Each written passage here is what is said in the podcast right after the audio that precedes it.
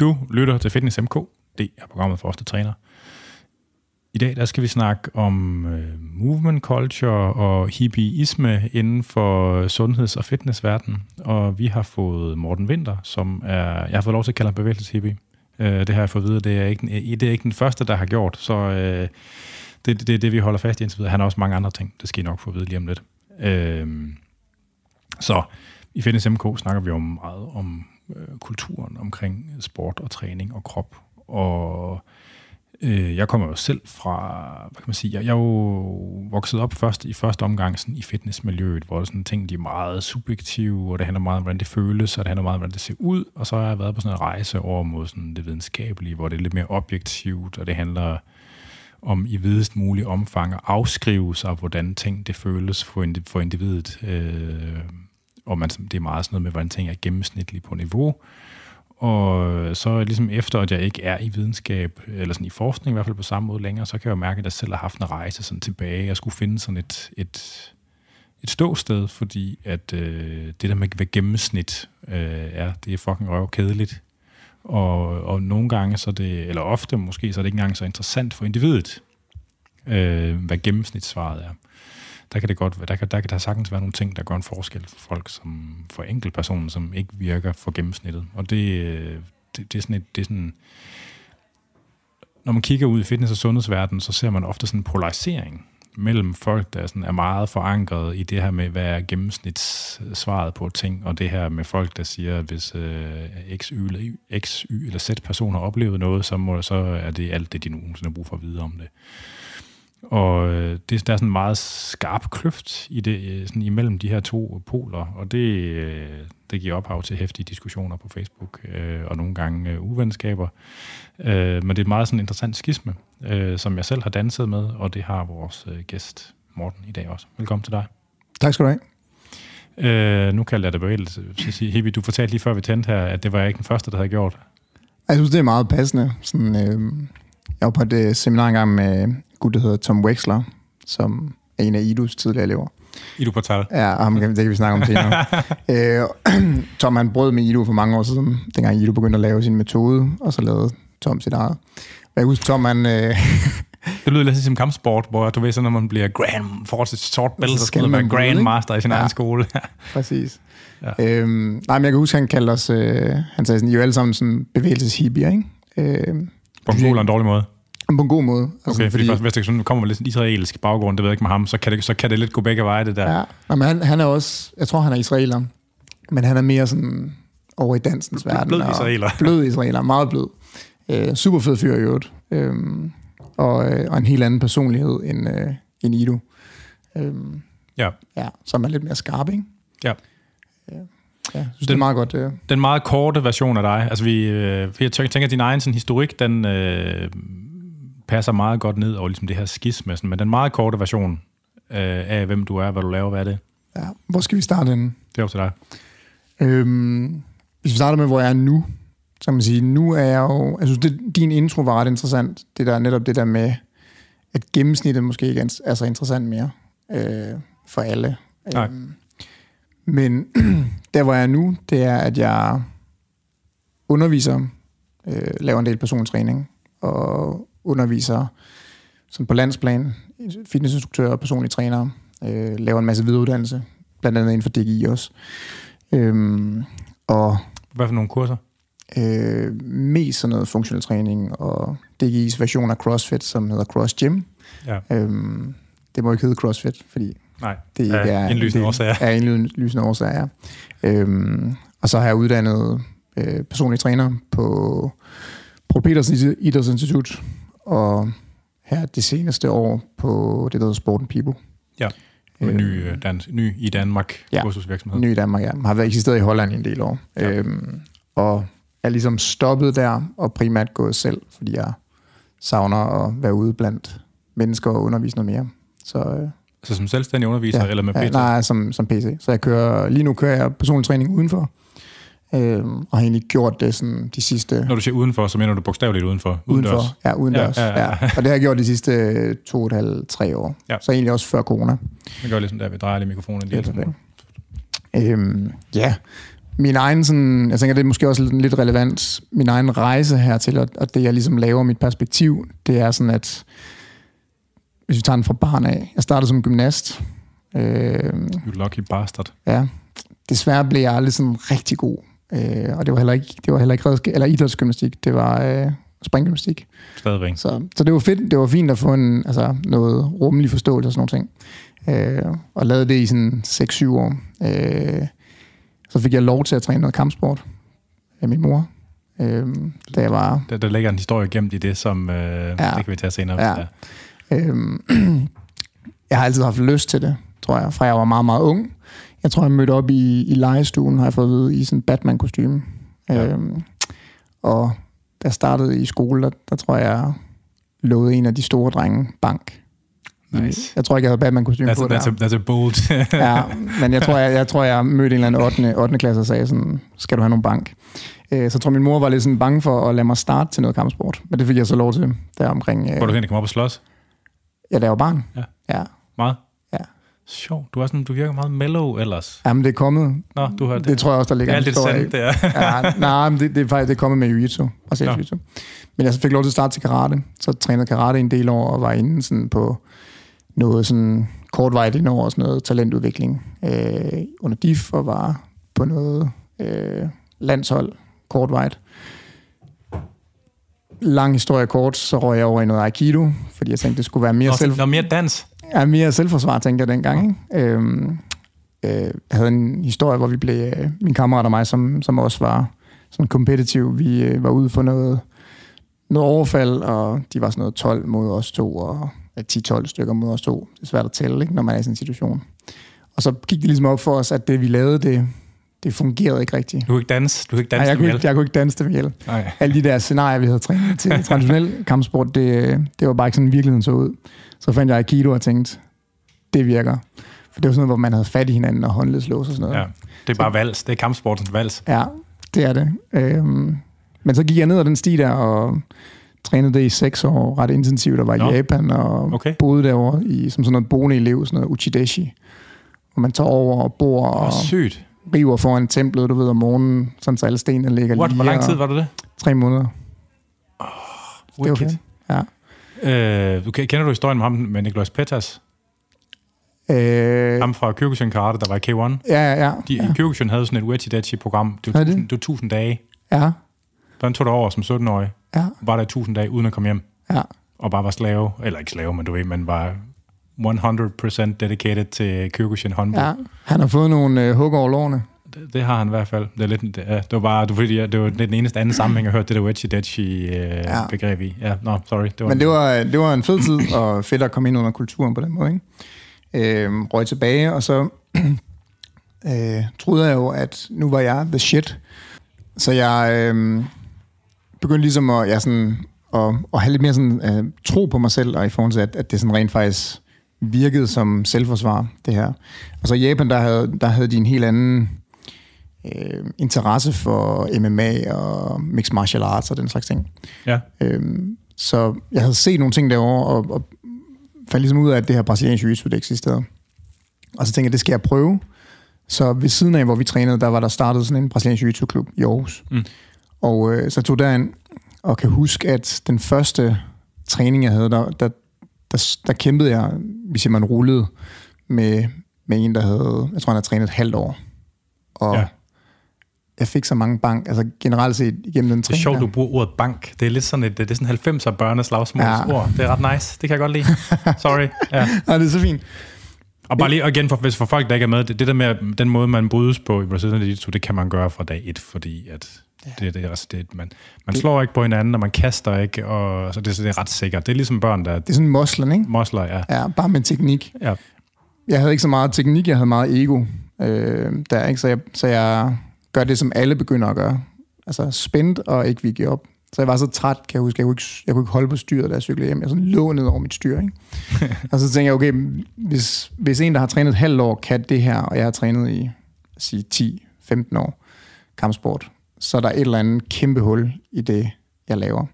Så jeg var nødt til ligesom sådan at forkaste øh, al den der viden og alt det, jeg troede, jeg kunne, og så måtte jeg starte til jiu-jitsu. Ikke? ja. Så det har jeg så lavet siden jiu-jitsu og judo har ligesom været sådan min primære øh, disciplin, hvis man skal sige det, siden 2004. Ja. Øhm, så det er sådan, vil sige, det, hvis, hvis jeg har en base i noget, så er det nok det. Øhm, Øh, det skulle være den korte version. undskyld. Så er, er det, skal vi sige det det? Lynhurtig base, Ja. så, så er jeg, hvad hedder det, alpin skiinstruktør, Seriøst? Ja, professionel skiinstruktør. Så har jeg været en del af CrossFit-miljøet, siden vi startede op i Odense øh, tilbage i 2009, mens jeg også læste idræt. Ja. Så har han kandidat i idræt. Øhm, så CrossFit, og så har jeg selvfølgelig været igennem CrossFitten og gymnastisk styrketræning, stiftet bekendtskaber med movement culture og Ido, og røg ind i hele det der Ido Portal, øh, movement culture, natural movement, øh, er jeg nok mere sådan over imod nu, og så har jeg nørdet rigtig meget sådan idrætshistorie, physical culture, sådan nogle ting, som jeg tænker, vi kommer til at snakke lidt om. Nej, du er sådan en kludetæppe. Det var sådan den, øh, kludetæppe. det var den korte. Ja, fint. Klude mosaikken. Ja, mosaik. Ja, det lyder, pænt, det lyder pænere end uh, kludetæppe. Tak. Tak. fordi du er kommet i hvert fald. Tak. Øh, folk, der har os i ørerne derude nu, de kan selvfølgelig skrive ind med spørgsmål til nærværende eller tidligere programmer eller forslag til nye, og det er på afn eller på programmets Facebook-side eller Instagram. Og de kan begge to findes ved bare at søge på fitness m eller m k. Sorry. Vi skal til at i gang med dagens program.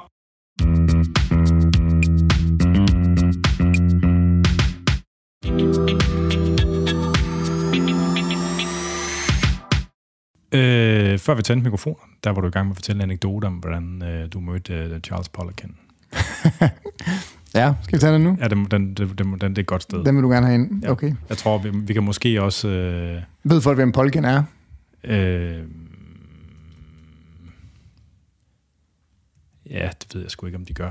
Nej, Poliquin, han var jo sådan et, øh, han var sådan, været sådan en vild type i fitnessmiljøet, som har været sådan et, øh, et, af, de, et af de første og største personforankrede brands, som har haft øh, flere forskellige uddannelser og certificeringer. Og startede med at være sådan meget videnskabeligt forankret, og blev mere og mere sådan, øh, øh, hvad kan man sige, progressiv, alternativ, øh, og bevægede sig over mod sådan noget funktionel medicin, og blev til sidst sådan en eller anden grad af kukuk. tror jeg godt, tror jeg godt, man kan sige. Øh, ja, og han blev meget kendt for det her biosignature-koncept til personlig træning, ud fra, sådan, ud fra et markedsføringsperspektiv, er fucking genialt, men ud fra sådan et evidens. Om det rent faktisk passer, det man påstår, der, der er det måske sådan lidt mere. Der er solgt rigtig mange øh, flotte fedt-tinger øh, Ja. på grund af det, Men det er fandme godt at hive kunder ind på. Det kunne jeg godt forestille mig. Han er, sådan, han er en vild type. Ja. Ja. Jeg mødte, øh, jeg mødte Polken øh, for nogle år siden. Men han er død i øvrigt. Bare lige han er død, ja. ja. Jeg tror, han fik en blodprop, gjorde han ikke? ja. Han, er nok, Ja. han har fået nogle bolcher som ung, og jeg tror sgu også, jeg tror, han, han lignede også en, der drak til sidst. Ja. sige. Han havde godt nok dårlig hud og tynde ben. Og, Ja. ja. Jeg kan huske, øh, jeg var på vej til Montenegro på øh, sådan et øh, sådan et jiu-jitsu-camp. Mm. Og øh, der var mange, der valgte at tage bussen derned. Det tager, jeg tror 36 timer.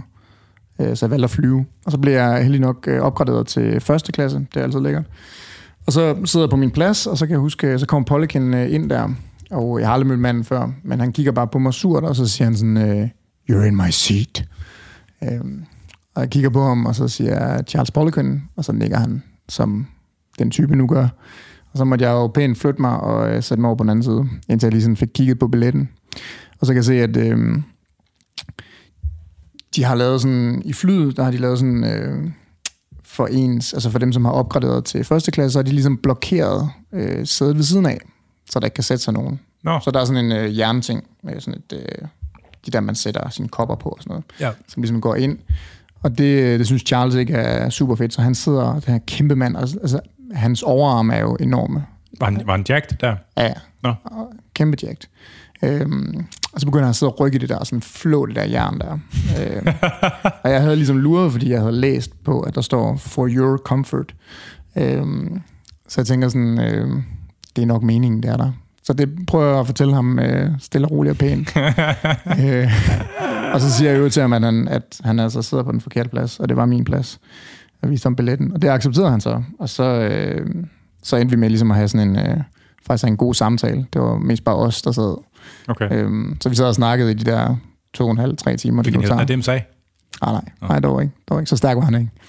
Nej. Øhm, vi snakker om alt muligt. Ikke så meget træning, fordi jeg tænkte, øh, det gør han sikkert nok til hverdag. Og så vi snakkede om våben og våbenlov og alle sådan ting. Han var øh, progressiv, kan vi godt sige. Altså sådan som i udtryk for højorienterede værdier? På Ja, men han var meget sådan, altså, pistol under hovedpuden, og hvis der var nogen, der kom ind på hans grund og sådan noget, så, så vi han have lov til at plukke dem. Og, ja, Ja. Vi snakkede også lidt træning og sådan nogle ting. Øh, Det er spøjs, det der med, hvordan... Nej, det er jo ikke spøjs, jeg forstår det godt. Men altså, det, det, det der med, hvordan stærke mænd, hvordan de har det med at være sådan meget protektionistiske, mm. i stedet for sådan at være trygge, og sådan begynde at være ligeglade. Altså sådan, det der med, at man begynder at blive sådan meget protektionistisk. Hvor tror du, det kommer fra? Øh, men jeg, altså, der er jo lavet noget forskning på samme, dels en sammenhæng mellem sådan noget personlighedstype og hvad for, hvordan person, hvad for en personlighedstræk, der forudsætter, at man committer til, styrke, til, til styrketræning og styrkesport. Ja. Og der er også lavet noget på, hvordan, med hvordan ens personlighedstræk udvikles, efterhånden som man bliver stærkere, og ens krop ændres. Okay. øhm, og der er noget ligesom med, at man driver mod sådan nogle mere konservative værdier faktisk. Sammen. Altså folk, der har mere konservativ disposition, er mere drevet mod det der. Øh, og, og der er også en, altså der er der faktisk lavet interventionsstudier på det her med, at folk, der har det med, altså der deres værdier har det med at drive mod noget mere konservativt, som jo i sin natur er lidt mere over mod det, altså er det der protektionistiske. Nogle hårde værdier, eller... Ja, sådan lidt hårde værdier. Ja. Ja, hver mand er en ø, og Okay. man, skal, sådan, man skal passe på sig selv og sådan noget. Ja, spændende. Så, det, så det, det er jo spøjst. Altså, fordi der er jo sådan noget... Altså, så det der med, hvordan vi i øjeblikket opfatter vores krop, det tror jeg påvirker altså vores sådan noget højere ordens noget. Altså, mm. Så ligesom der er også sådan noget, at, at smertestillende medicin for eksempel, altså sådan noget, som ikke, man tænker ikke har en, øh, som ikke er psykoaktivt, altså helt almindelig øh, Pamol og ibuprofen og sådan noget. Når folk er smertedækket med det, så er der også sådan nogle personlighedstræk, der bliver påvirket. Det kan man, det kan man måle, altså at se på sådan noget hjerne... Ja.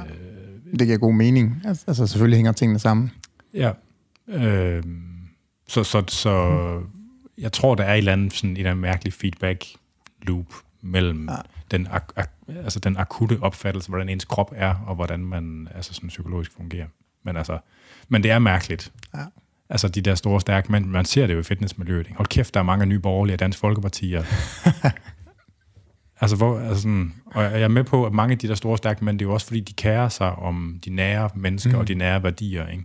Og det gør ligesom alt det der udenfor, altså globalisering, det, er ikke, det taber ligesom sin charme. Ikke? Der er vel også en eller anden form for sådan empowerment i, at man, man, altså, man kan tage sig af sig selv, og man ikke har behov for, at Ja, men det er meget det er sejrsigende. samfundet. Ikke? Jo, Altså, og det er som en relativt lille klub af mennesker. ja, Øh, men det er meget spøjst. ja det er det. Og charmerende ja. på sin egen mærkelige måde. Jo, jo. Altså, øh, Jamen, så længe det ikke går ud over folk, altså andre. Ja. ja. Nå, sorry, det var en ja, afstikker. Det var en afstikker. Men det var meget spøjst med øh, Pollekin der. ja.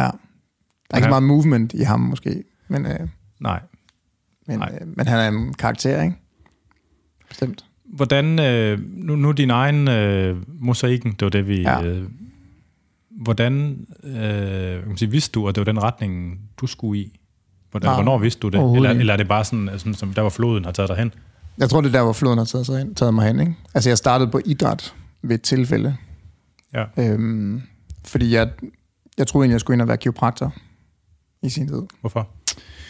Øhm, altså, jeg, gik, jeg gået på handelsskolen til at starte med. Så jeg, jeg troede faktisk... Du er også meget pæn. Ja, Ja. ja du kan godt, jeg kan godt se dig. Du, det vil være... Ja, ja. jeg troede, jeg skulle, jeg troede, jeg skulle læse øh, Aarhus Handelshøjskole og have sådan en... Altså, HA, HA i økonomi øh, eller et eller andet, ikke? Øhm, og så, øh, så var jeg jo optaget af Japan og sådan noget, dengang jeg gik på gymnasiet, og troede egentlig, jeg skulle over og læse sådan noget Asian Studies Program, hvor man kunne lave business kombineret med japansk eller kinesisk. Ja. Og så tog jeg på ski og havde en sæson, og så fandt jeg ud af, at øh, jeg skulle nok være kiropraktor i stedet for. øhm, Fordi du så så mange folk blive flået i stykker på ski, eller? nej, nej, nej, jeg mødte, jeg mødte en, en pige dernede, og vi endte med at være kærester i syv år, og hun var sådan helt fast besluttet på, at hun skulle være kiropraktor. Og så begyndte jeg at læse om det. Du mødte en lækker kiropraktor, Ja, hun var ikke kiropraktor dengang. ja. men, men aspirerende. aspirerende. Og så tænkte jeg, så gik jeg i gang med at læse om det, og tænkte, fedt mand, det vil jeg hellere. Og så, så havde jeg sådan en backup plan på, at jeg ville læse medicin, hvis nu jeg ikke kom ind på kiropraktik. For der, jeg tror, der var 50 om året, der kom ind. Og så min backup, backup, det var at læse idræt. Okay. Fordi altså, jeg faldt over idræt tilfældigt, fordi at det er samme institut som kiropraktik. Ja. Og så var jeg ikke klog nok jo, til at komme ind på hverken kiropraktik eller medicin, så så endte jeg på idræt. Ja. Eller det var ikke, mit snit var i hvert fald ikke højt nok, så jeg endte på idræt, og så... Øh, og det var fedt. Det viste sig at være fantastisk, og det viste sig at være altså, helt klart den vej, jeg skulle gå. Så jeg er super glad for, at floden har taget mig derhen. Ja. Øhm, og så i forbindelse med det, du ved, så startede jeg med CrossFit, også ved et tilfælde, fordi jeg fik, jeg fik job i et fitness, eller fitnesscenter, først som sådan noget børneinstruktør i det, der hedder Chok. Nå, for det fitness sådan. Chok? Ja, nej, nej, nej, det var hed konceptet. Nå. Det vil du elske. Det vil du elske. Øhm, det var sådan noget fitnessmaskiner til børn, som var lavet efter børns ergonomi. Jeg har set dem, og så er der sådan nogle, helt store, pangfarvede, ja, kæmpe store orange, pangfarvede. orange pangfarvede vægte og sådan noget. Ja, de har dem også i Fit og Sund i Rigskov, tror jeg. Ja, det skal nok passe. Øh, det var noget, der hed CCS i øh, Odense, sådan et privat center. Okay. Øhm, så jeg startede der som sådan noget børneinstruktør, og så blev jeg fitnessinstruktør, og det var jo, altså, det var målet dengang, ikke? Som, øh, som idrætsstuderende. Øhm, begyndte at lægge fitnessprogrammer og sådan noget. Øhm, og så på et tidspunkt, så begyndte jeg at søge crossfit-instruktør i OBBC i Odense. Odense, Som er- som er Odense. Bodybuilder Club. Det er et vildt sted. Det er et vildt sted, og det har jo eksisteret længe. Det er jo sådan, det er jo sådan et sted, hvor de øh, på Arnolds fødselsdag, der spiser de jo brunkage. Ja. Øhm, ja, nå. Brunsviger, ikke? Ja, brun, brunsviger, undskyld. Ja. Brunkage, brunsviger. Jeg tror nok, det er Danmarks største forenings øh, Ja. fitnesscenter. Ja. Og de var også de første i Odense. Jeg tror, de var de første uden for København, med mindre performance team i Svendborg var først, som egentlig havde CrossFit. Nå. Øhm, så der, der skete jo mange ting i København. Jeg kan huske, vi var herover øh, og ligesom blive lært op, og så startede vi egentlig en box op i Odense øh, tilbage i 2009. Hvad hed det? Det hed OBBC CrossFit. Okay. Eller CrossFit OBBC. Så var det en forening i foreningen, eller fik I bare Ja, nej, det var bare, altså vi havde, vi lejede ligesom et, øh, et lagerlokale, og så kørte vi øh, CrossFit der. Hmm. Øh, og så fik vi samlet et hold af folk, som læste idræt, og en enkelt fysioterapeut, og, og så kørte vi egentlig CrossFit i Odense op. Øh, lavede alle de der sindssyge ting, som man nu lavede. Altså, Dumme ting, mener du? ja, dumme ting. Altså, det, vi har jo været sådan noget anden generations instruktører i Danmark, ikke? hvis man sådan skal sige sådan Ja. Henrik Arfe og... Øh, Det var første. og dem, det, var, det var ligesom de første, ikke? og så blev vi ligesom lært op af dem. Så vi var anden generation, og vi lavede alle de der ting. Altså jeg, på et tidspunkt, der begyndte jeg jo sådan at tænke, okay, lad os prøve at se, om ikke vi kan sætte det her programmering lidt i system. For det var vidderligt bare, man hævde et eller andet op af hatten, og så kørte man en workout. Det ser hårdt ud. Det må være sjovt. Præcis. Og så begyndte vi at skrive det ned på et tidspunkt. Det var jo et meget godt skridt. Øh, og så kan jeg huske, jeg, jeg, jeg sådan gennemgik det, så jeg kan huske, vi havde lavet high rep pull-ups, keeping pull-ups, i sådan noget, det var sådan noget 20 dage streg på holdet, ikke? Nice. Så folk var jo, altså, folk var jo helt smadret i deres skuldre. Og, altså, vi, der var så mange skader, ikke? Altså, så jeg tror, det var der, at det ligesom gik op for mig, at sådan, det er fedt at træne, men, men, men man kan også nemt gå i stykker. Så der begyndte jeg selv ligesom sådan at dykke mere ned i det her. Der var jeg, læste jeg, der var jeg på bacheloren, ikke? På idræt. Det her med... Øh, altså, der har jo altid været sådan meget... Altså, ikke nødvendigvis alternativt, men sådan mange sådan progressive forklaringsmodeller på alt muligt, ikke? Mm. Og øh, altså, så, så, så folk, der står i et eller andet, de opfatter det jo aldrig selv, oftest ikke selv som mm. Sådan progressivt eller alternativt. Der er man bare sådan lidt foran kurven selv. Ikke? Men hvornår har du første gang været bevidst om, at du måske var sådan et sted, hvor, altså, du, du, altså hvornår begyndte du at rode med mærkelige kostting og, Det tror jeg, jeg gjorde. og hele altså, det der Naudi, Aguilar, Portal? det har, jeg- har aldrig, Naudi har jeg aldrig... Nej, okay, men, men, så, men, jeg- men, men Portal, hvordan, hvor ligger det hen i forhold til? Øh, jamen, Portal kom først senere. Okay. Altså, jeg begyndte ligesom at prøve at, altså jeg kunne godt se, jeg kunne se, CrossFit synes jeg var fantastisk Mm. og fedt, og hele, det synes jeg stadigvæk, hele Var det grund... første styrketræning, du lavede? Nej, nej, jeg startede med styrketræning tilbage i, altså da jeg var 15. Sådan fitteren, eller hvad? Ja, det var sådan noget sats i Aarhus, nice. fordi vi tænkte, vi skulle være bedre til karate. Åh oh, ja, Så vi så skal man gik, pecs. ja, så vi gik i fitnesscenter, men der fik vi jo at vide, at vi ikke måtte løfte tungt, for det blev man langsom af. Ja. Øhm, så jeg levede jo under det der paradigme i en del år, indtil at jeg begyndte selv ligesom at dykke ned i nogle ting, og på idræt og så videre. Ikke? Ja. Øhm, så jeg startede med sådan helt traditionel fitness, maskintræning, og ja, jeg kan huske første gang, jeg skulle lave et back squat, sådan frivægt, øh, hvor jeg, det er jo sådan lidt en pinlig historie, ikke? Men, øh, men nu får du den lige alligevel jo. Jeg tænker, du synes, det er sjovt. Mm-hmm. Jeg, øh, på første salen, hvor, vi, øh, hvor jeg underviste, der var jeg egentlig var fitnessinstruktør. Jo. Jeg var lige startet på idræt. Så, så øh, tænkte jeg, at vi øh, lavede noget back squat. Så jeg smed øh, en stang på ryggen og var alene på den her første sal. Og øh, det gik fint, indtil jeg ikke kunne løfte mere. Jo. Og så ender jeg med at sidde i bunden af et squat med sådan noget 70 kilo på ryggen eller sådan. Jeg kunne ikke komme op. Så jeg sad bare der. Jeg vidste ikke, man kunne smide væk. Det var der aldrig nogen, der havde vist mig eller fortalt Ja, mig. så du fik strukket ud. Så jeg sad bare i bunden af squattet der. Jeg vidste ikke, hvor jeg skulle. Indtil der kom en af de andre instruktører, var sådan, for satan, Morten, og sådan hjalp mig op, ikke? Mm. Øhm, så, så jeg har lavet de der sådan ting, og har også lavet rigtig mange dumme ting. Men, men IDU og bevægelseskultur og sådan noget kom først, efter vi havde lavet CrossFit i en del år.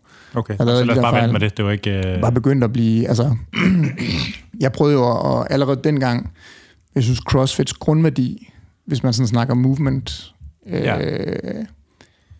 synes jeg egentlig er meget god, fordi hvis man læser det, det sådan oprindelige manifesto på CrossFit, så involverer det jo også at lave håndstand og ting i ringene og parallelbarne og flips og twists og sådan nogle ting.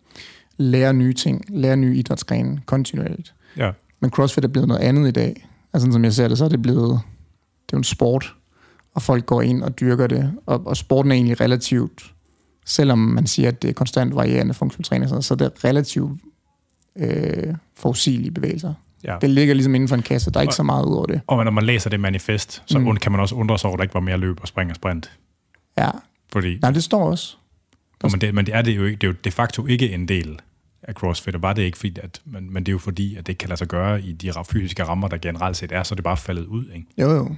jo. Altså, Præcis. Ja, det er ikke en del af det i dag, eller hvad tænker du?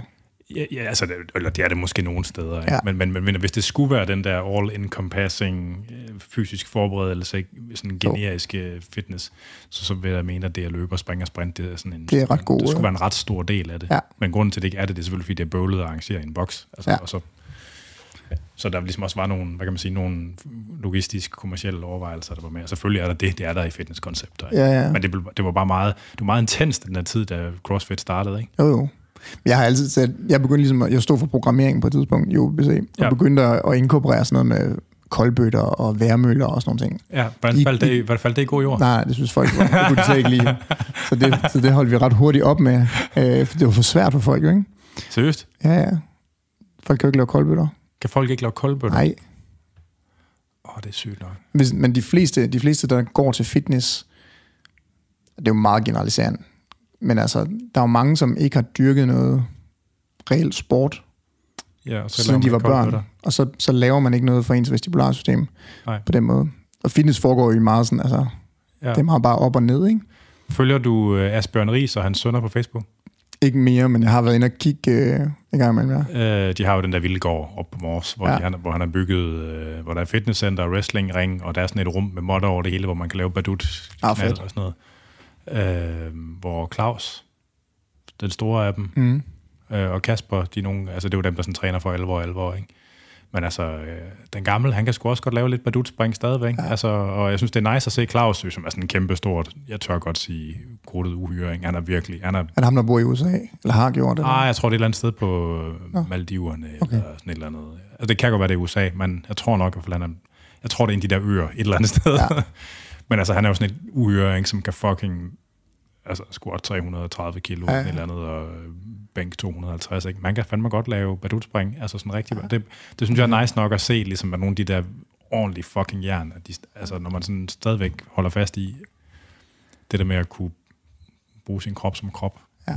Men jeg tror, det der, altså sådan, hvis man har en eller anden form for brydebaggrund, altså nu snakkede vi om gymnastik tidligere, Ja, ja. men sådan, hvis man kigger på brydernes program til Oh, børn også, ikke? Altså, det, er Ja. jo, altså, det er jo super gymnastisk Ja. og atletisk, og så samtidig har de en kultur med også at gøre folk stærke, ikke? Fordi du er nødt til at være stærk, hvis du bryder. Det er også or die. Ja, jo, det er, så, det er det så også. Altså, de har, altså, ja. Men man kan tage, man kan tage altså selve hvad kan man sige, filosofien i forhold til, hvad du skulle kunne for at være en god bryder. Altså både være atletisk og altså rummelig forståelse, og være stærk, og, og, smidig, og være teknisk, udholdende, ikke? Og smidig, ja. Og, og, og have en fuldstændig bims hjerne. Altså, Ja. ja. ja, ja. ja. Øhm, nej, og så Det er et godt sted at starte. det, det er et godt sted at starte, ikke? Altså, øhm, så, ja, så i forhold til det, så synes jeg, altså, så, så prøvede jeg at inkorporere det i CrossFit, men, men selve kulturen og altså det, det bliver solgt på, er bare noget andet, ikke? For det er svært at få intensiteten op, hvis ikke du kan lave koldbød ordentligt. Så får du ikke det, du tror, du kommer efter. Nej. Øhm, så det droppede vi ret hurtigt. Der er ikke så meget leg indbygget i CrossFit. Nej, det er der ikke. Og jeg er, sådan, jeg er gået mere og mere over imod leg, også efterhånden som jeg har arbejdet mere med folk, altså en til en. Ja. Altså det, jeg laver, når jeg laver personlig træning, er mere sådan, jeg er mere derovre nu, hvor det handler om, at folk skal synes, det er sjovt. De synes, det er fedt at komme til træning. Mm. Sådan så de også er motiveret for at lave træning i sig selv, og ikke bare fordi, at de skal tabe et eller andet antal kilo. Ikke? Fordi Ja. ja. tit så handler det om, altså vægttab handler tit om noget andet. Øhm, Ja. Ja, det er en helt anden snak, men det ved jeg, at du også er. Altså dig, Katrine, er meget inde, inde i det der også. Ikke? Men, men det, jeg synes, det er interessant det der med, at, at når jeg kigger på min egen rejse med, at jeg tidligere var meget sådan evidens, og vi lærte et eller andet på idræt, og så prøvede jeg ligesom at følge de der protokoller og trække dem ned over hovedet på folk. Ikke? Mm. Øhm, du har det her mål, okay, evidensen siger, "Jamen, så skal vi gøre det her. Ja. Problemet er bare, at så skal de på ferie, eller så var der lige bryllup, eller så blev du lige syg, eller så blev du skadet, eller så var det hårdt på arbejde. Så de der protokoller fungerer rigtig godt, hvis man har folk, som kan træne fuldtid. ja. Men de fungerer ikke altid så godt Det er med bare folk, for- som har et liv. Det er, bare, det, er bare, altså det er jo sjovt nok at lave træning til de der maskiner, Ja, som bare altså kan execute, præcis. men det er bare fortallet. Ja, Altså jeg har også, når jeg har lavet, igen, jeg har stoppet med personlig træning, altså hvor dem, der ligesom ikke er maskinerne, altså det der med at frame det, som om man øver sig ja. Noget, i stedet for at træne, det gør det meget mere spiseligt for Præcis. mange. Altså, altså jeg er meget mere over imod sådan et eller andet med, at vi arbejder mod at lave nogle færdigheder. ja, Altså jeg har en, en super øh, nice kvinde, jeg træner i øjeblikket, som, hvor vi har arbejdet med at lave sådan en koldbøtte ind over øh, altså sådan et horisontalt rail, ikke? ja. Dem, der man laver som man barn. bare kur noget, eller, Ja, det er det jo, men sådan... Nå, sådan en, hvad hedder det, en... ved, du, altså bare sådan en forlæns koldbøtte. ja, ja. Altså, du lægger dig ind over railet på maven, eller gelænderet der, og så øh, vipper du rundt, og så lander benene på den anden side, ja, mens du holder ved, ikke? hvad var det nu? Det havde, det havde sådan et navn. Det går det... Ej, det Ja, det ved jeg ikke. undflyver mig. Nå, fuck det. Men jeg tænker, det, det er sådan noget, alle børn laver det. Ja. Men de fleste af os har ikke lavet det I lang tid. i lang tid, vel? Og så introducerede jeg det her for hende, og så var hun sådan, hvorfor kan jeg ikke det? Og nu har hun bare trænet det det sidste sådan halvår, øh, og blevet super kompetent i det. Mm. Så nu skal vi noget andet, ikke? Ja. Men det er fedt at se, hvordan det motiverer, og hvordan det også får folk til at vokse, at de lærer noget. Og, Se proces, lyset, sådan, når Ja, man... Ja, ja. og processen i det er jo sådan, jamen du skal stadigvæk altså, holde ved, og du skal stadigvæk kontrollere bevægelsen, så der er en masse maveøvelser og lats og alle mulige andre ting. Altså kroppen bliver aktiveret, når vi leger. Det er jo den måde, dyr bliver stærke på, det er den måde, børn bliver stærke på.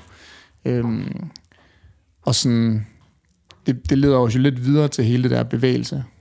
Og Ja. sådan, nu snakker vi movement culture, hvor Ido måske er lidt mere strict og protokoller og sådan nogle ting. Øhm, hvor jeg synes, hele det her natural movement, så kan man altid diskutere, at det er et lortebegreb at Du kalde må, noget definere det, du må gerne definere det for lytterne. Øh, men ja, natural movement, som er, hvad hedder det, konceptet eller metoden, hvis man sådan skal tage den, er grundlagt af en, øh, en fyr, der hedder Urban Lacour, fransk mand, som er stærkt inspireret af en anden fyr, som hedder George Hebert. Som er inspireret af en. Som, øh, nej, jeg tror faktisk, George Hebert, han, øh, han selv havde en eller anden oplevelse, øh, som vi kan komme ind på. Men, men natural movement tager ligesom udgangspunkt i, at hvordan mennesker bevæger sig universelt verden over, uagtet af kultur eller idrætsgrene, og ligesom siger, mm, hvad er det for nogle bevægelsesmønstre og former, som vi mennesker altid, i hvert fald indtil for nylig, har lavet for at overleve. Så det... en eller anden form for paleo-argument, eller hvad?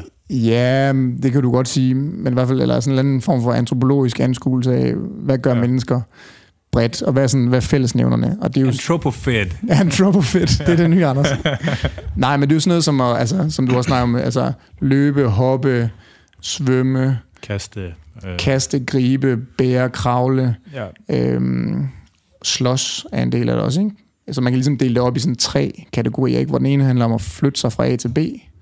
Det vil være der, hvor hvis man så tog parkour, og så siger, man, det er sådan en disciplin, som har specialiseret sig i det, og forflytte sig, ikke? altså locomotion. Øhm, det vil være en kasse eller en boble, vi kunne lave, og så den anden vil være kaste, gribe, trække, skubbe, løfte, bære, alle de her ting, hvor man tager altså styrketræning, traditionel styrketræning, ikke? Ja. øh, strongman-træning, sådan nogle ting, ligger ind i det. Men det at bruge vores hænder til at manipulere objekter, og flytte Ja. rundt på verden og bygge ting. Øhm, og den sidste vil være det at forsvare os mod udfrakommende aggression, eller jage. Så Så tæve et hjort til døde så tæve en hjort til døde. med sine ja. hænder. Nej, men det der med selvforsvar, ikke? Og, og kunne tage vare på sig selv og håndtere aggression, og også uddele aggression, når det sådan er øh, nødvendigt. Ikke? Ja. Og det, er sådan, det, det tror jeg er den, den korte definition på natural movement. Ja, så, Så har det er en slags, slags dannelsesbegreb i virkeligheden. Ja, så har Irvin LaCroix jo sådan 12 principper, sådan noget, som jeg ikke tænker, vi skal gå ind i nu. Der er også andre, der bruger natural movement, som mener noget helt andet. Ja, ja det, det, det skulle jeg også lige til at kommentere Ja. på. Der er mange, der har haft Der er mange, der bruger det, der er. Min kæreste, hun, min kæreste underviser noget, der hedder Strala Yoga, og Strala Yoga arbejder også med natural movement principper, som er noget helt andet end det her. Ja. Øhm, men ja, man kan også kalde det evolutionær træning, og så, vi, så lugter det lidt af paleo, ikke? ja. Øhm, men i hvert fald så... Anthropofed. Antropofed, ja. jeg, synes, jeg synes, det er en interessant måde at kigge på kroppen på, og kigge på bevægelse på, og ligesom prøve at lave sådan en, for mig selv i hvert fald, lave en eller anden praksis omkring det her. Så ligger, så, så ligger jeg, jeg ligger jo sådan noget som vinterbadning og kuldeeksponering og sådan ting oven på det, ikke? Ja. Øhm, ja. Som Det lyder som en forfærdelig idé. Ja, jeg synes jo, det er fedt. Ja, men det, det er det også. Det er bare forfærdeligt og fedt samtidig. Ja, ja det er det. øhm, ja. Hvor, hvor var det, vi kom fra? Det var Natural Movement, og Det var fordi, at jeg sagde pal, sådan lidt paleo-agtig, Ja. og så tror jeg, det var ikke... var det fordi, du vil ind og snakke om kost? Nej, nej, øh, nej. Men jeg synes, vi skal blive hængende i det der, for jeg synes egentlig... Øh, jeg tænker, at det, det der med, at du er interesseret dig sådan for altså sådan physical culture og de her forskellige sådan fitness- og sundhedspersonligheder og deres... Det, ja, det tænker jeg, at det hænger lidt sammen med det der også, eller Ja. opstået samtidig på en eller anden måde, eller hvad? Ja. Ja, men jeg tror, det kom... Øhm, jeg kan faktisk ikke huske helt præcis, hvornår, men altså, jeg har, jo- jeg, jeg, jeg har altid tænkt, at... Eller i hvert fald kunne se, at nogle af de der sådan lidt øh, gamle øh, personligheder, altså tilbage i tiden, ikke? historiske personligheder, Hvor langt tilbage? Nå, men når vi sådan tænker, altså physical culture og omkring der sådan... Jamen, det går i princippet tilbage til antikken, ikke? Jo, men det er det. Altså, Så da jeg begyndte at dykke ned i det, så finder man ud af, at grækerne, de havde også en masse spændende idéer omkring træning og øh, idealer og sådan nogle ting. Der har også været sådan nogle i, i Kina, faktisk. Der Ja. findes også sådan nogle, øh, altså af den der slags an, antikke influencer, uh, fitness-influencers i Ja. Kina. Det er også en ting. Jamen, jeg, jeg har godt set sådan nogle, hvor de også lavede barbells med sten og sådan noget, Ja. øh, eller vækstninger. Øh, men jeg tror, det der med ligesom at ja, have det som udgangspunkt for en praksis, øh, har i hvert fald givet mening for mig. Også efterhånden, som jeg har arbejdet mere og mere med, med folk og fundet ud af, sådan, jamen, hvad er det, folk gerne vil. Altså, der er mange, som bare gerne vil være bedre til at bevæge sig Ja. være i verden. Øhm, og man kan sige, Ido og hele movement culture, som var det, vi ligesom sn- snakkede om øh, på et tidspunkt, det er jo meget rigidt, og, det, og Ido, han sætter jo sådan Og militant, ikke? Og militant, jo, jo. Og det, det lægger han heller ikke skjul på, at han, han siger jo også selv, at jeg er arrogant og rude, og, øhm, og jeg tror, det er, jo, det er jo hans markedsføringsstrategi. Og han er meget sådan, når man, du skal kunne de her ting. Det her, det er standard basis, ja. ikke? Ja. Øhm, så altså sådan noget som, du skal kunne lave pres, øh, pres til håndstand, og du skal kunne lave altså, forskellige hold, sådan gymnastiske hold, og sådan, noget, sådan nogle helt vanvittige styrke. Det er let at sige, når man er 51 høj. Ja, ja, ja. Og har lavet det her, har lavet capoeira i hele sin ungdom og sådan noget. Ja. Øhm, og det, er- det er der jo nogen, der køber ind på, og jeg, og jeg synes selv, det var spændende også at jagte de der ting, og har også gjort det rigtig meget. Øhm, man kan også godt se, at for langt de fleste mennesker, så er det urealistisk. Ja. Bare det at komme op på hænder, ja. Eller lave en armbøjning, altså det tager måske et halvt år at komme derhen, ikke? Ja, fordi det, det, det er måske... Altså, der er, fordi der er nogle, og jeg har jo sagt det i podcasten, af dem, det er lige på sådan noget, det der generer mig, at, at man, man, man starter med... en- Det er jo en form for dannelsesbegreb, ikke? Mm. som man gør super ekskluderende i virkeligheden. Ikke? Og Jo. det er bare ikke særlig dannende at lave sådan noget, der bliver super ekskluderende. Det er den ene ting. Og den anden ting, det er det der med, altså nu specifikt, altså når man begynder at tale om dannelsesbegreber, ikke? altså når man taler om altså sådan martial prowess, at man skal kunne håndtere sig selv i en fysisk konfliktsituation. Det er enig i. Altså, jeg har prøvet at få nogen på hovedet, der står og glaner og ikke ved, hvad fanden der skete. Mm. Det er ikke en særlig rar oplevelse. Den tager man med sig mange, mange, mange, mange år bag Ja, efter sådan en. Ikke? Og, og, og, man har det meget bedre med sig selv, når man har prøvet at, at, at, at kunne være i det på en eller anden måde. Ikke? Og det der med at kunne lære at tåle stresssituationen, det, det tror jeg også smitter af på resten af ens liv og alt sådan ja. noget. Ikke? Men så begynder man at komme over i sådan noget med adfærd. Ikke? Og så, og så på en eller anden måde, ikke, så, så, så, så har man valgt at lave sådan et dannelsesbegreb, der det synlædende stopper ved det, der hedder, sådan, når det kommer ud og bliver rigtig konkret adfærd. Man må gerne være et røvhul, men man går super meget op i sådan ens fysiske dannelse, mm. sådan, og måske sådan noget neurofysiologisk noget. Ikke? Det synes jeg bare, det, altså sådan, hvis man prøver på at gå den der vej og laver et begreb for, ligesom, hvordan man bør agere og bære sig som menneske og passe ind i verden, ikke? så skal man kraftedeme gå hele vejen, eller også skal man holde ja. sin kæft. Altså, Jeg tror, Ido, jeg har en fornemmelse af, at nu er det lang tid, siden, jeg sådan har været inde og stifte bekendtskab med ham, men jeg, jeg har en eller anden fornemmelse af, at han også er blevet blødere Ja. med årene. men det er også svært at blive ved med at være et røvhul, eller sådan være, være smånederen over for folk i lang tid ud. Jo, jo. Altså, Han er i hvert fald meget direkte og meget ærlig, ja, og det tror jeg nogle gange også bliver opfattet som om, at han er et røvhul. Fordi ja. han, også- altså jeg kan huske, jeg var på, en, på et seminar med ham i, øh, i København, hvor han sådan, der var nogen, der beklagede sig over, vi lavede noget med håndstand og sådan, og så var der nogen, der beklagede sig over, at de havde fik ondt i håndledene. Ja. Og så går han rundt, og så siger han sådan, prøv her, jeg er ligeglad med jer. Jeg kender jer ikke, siger han sådan. nice. I, I don't care about you, sagde han. Det sagde han. Og så, og så gik han rundt, og så siger han, I care about him and her. Og så pegede han på Johnny og Odelia, som var sådan hans inner inner cirkel af elever. Ikke? Så dem var han bekymret for. Eller dem, dem kærede han sig om. Ikke? Og så pegede han på nogle andre, som kørte noget online coaching med ham, og så siger han, jeg bekymrer mig også, eller jeg kærer mig også lidt om dem her. Men resten af jer, jeg kender jer ikke. I er her bare for den her. I vil bare se, hvem jeg er. I er her tre timer, og så er det ikke sikkert, at jeg ser jer igen. Så hvorfor skulle jeg bruge tid på jer? Nice. Det er jo meget ærligt, kan man sige, men det bliver også opfattet som om, okay, du er en fucking røv. Altså. Ja. Øhm, og det tror jeg, man, hvis man skal træne med ham, eller sådan skal, skal se igennem, hvad det er, han egentlig kan, så tror jeg, man, han, jeg tror, man er nødt til at acceptere, at det er jo ikke personligt, det er bare fordi han, ja. Men det synes jeg faktisk ikke er okay, det der. nej, det er ikke særlig sympatisk i hvert fald. Nå, men det er noget, det går potentielt noget, det rent faktisk går ud over mennesker, ikke? Det der. Ja, det kan jo også bare stoppe, hvis det går ondt. Altså hvis man sådan kigger på det sådan helt nøgternt. Når man kommer han med en kultur og en stemning med sig, der inviterer til, at man stopper. Jamen, det er rigtigt. Nej, nej, det gør han ikke. Jamen, det er Nej, også, det, men det, det, er helt enig. Men det altså, skulle ikke for at bashe ham, men, det, men, altså, men jeg tror, altså det er jo også specifikt, det der, ikke? Altså, men det der med, det bliver meget, det bliver meget kultagtigt, ikke? Og, Ja. Men jeg tror, det der ligesom, det det, som jeg sådan har haft nej-hatten lidt på, og for det, det der med, at det bliver ekskluderende. Ja. Og det, øh, men man kan jo tage, altså det er jo, det er jo igen det der med, hvor ruller man det ud hen over for hvem. Ja. Fordi at du bruger en masse tid på din egen kropslige udfoldelse, ikke? Det gør min mor ikke. Mm. Altså sådan, og det, det, er jo, det er jo det, der ligesom er at finde det sted, hvor det passer, ikke? Jo. Øh,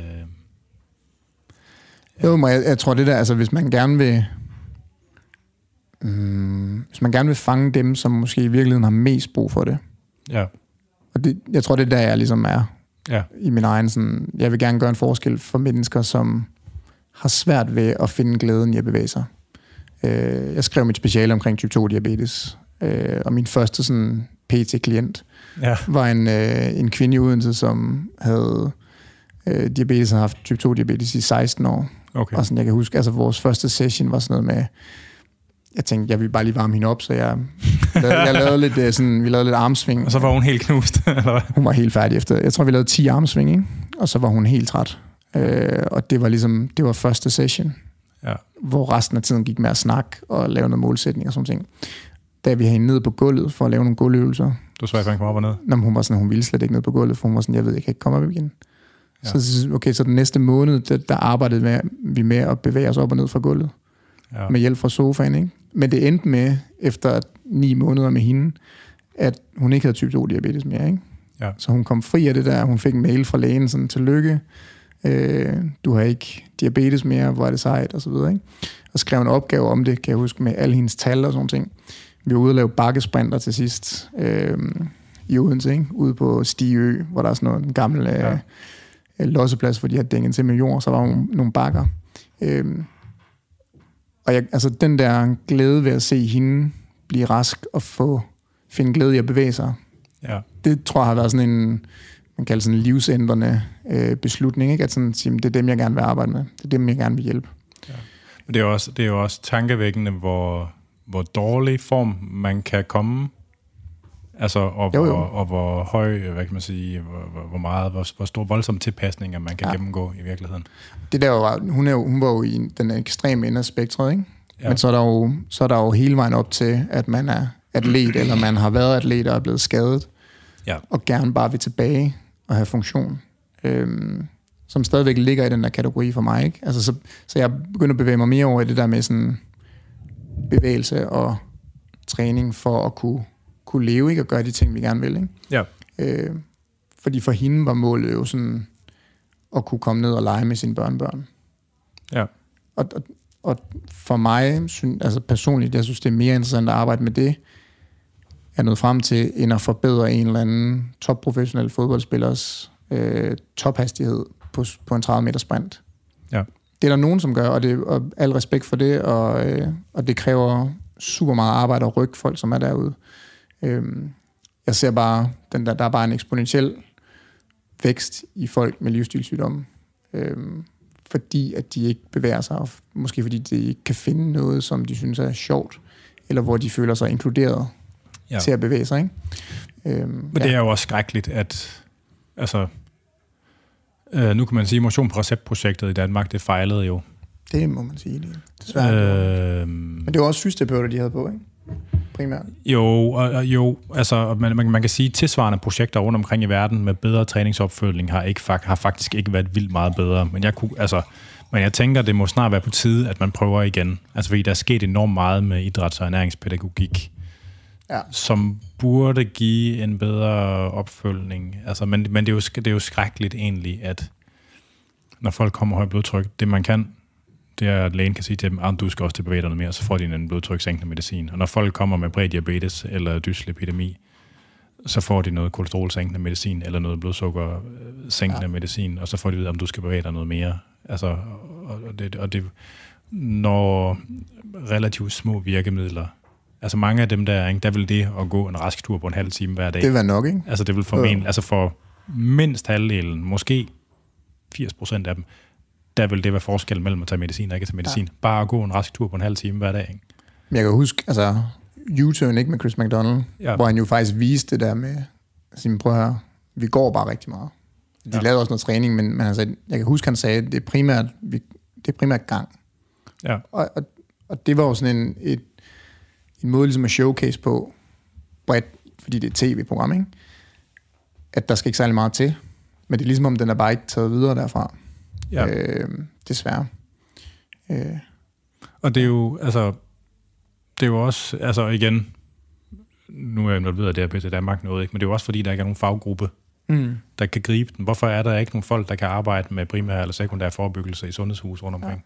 Altså jeg ved, jeg ved at SDU, i hvert fald dengang jeg læste, prøvede på ligesom at lave en eller anden form for akkreditering, eller hvad hedder sådan noget, for at man også kunne få tilskud til folk, som var uddannet ja. På idræt. Men jeg tror ikke, de kom igennem med det. Jeg tror Nej. ikke, de er i hus. Jeg ved ikke, hvor de er henne nu. Men man øh, forsøger, på jeg, jeg tror, øh, Chris McDonald og Bente Klarlund, de lavede jo noget sammen med, altså ACSM, American College of Sports Medicine, mm. de har haft det der Exercises Medicine akkrediteringsnåde. Ja. Og det tror jeg nok, de prøvede på at få øh, op at køre i Danmark på en eller anden Okay. måde. Men jeg tror ikke, det blev til noget. Nej. Hvis der er nogen derude, der sidder og ved det, så må meget gerne lige skrive, fordi... Ja, det kunne være ret spændende. Ja. Øhm, I forhold til, for lige at vende tilbage til det med standard og sådan noget, øh, og navne og sådan noget. Jeg sad jo og, og nørdede lidt sådan, øh, i forhold til, jeg kan aldrig huske de der navne.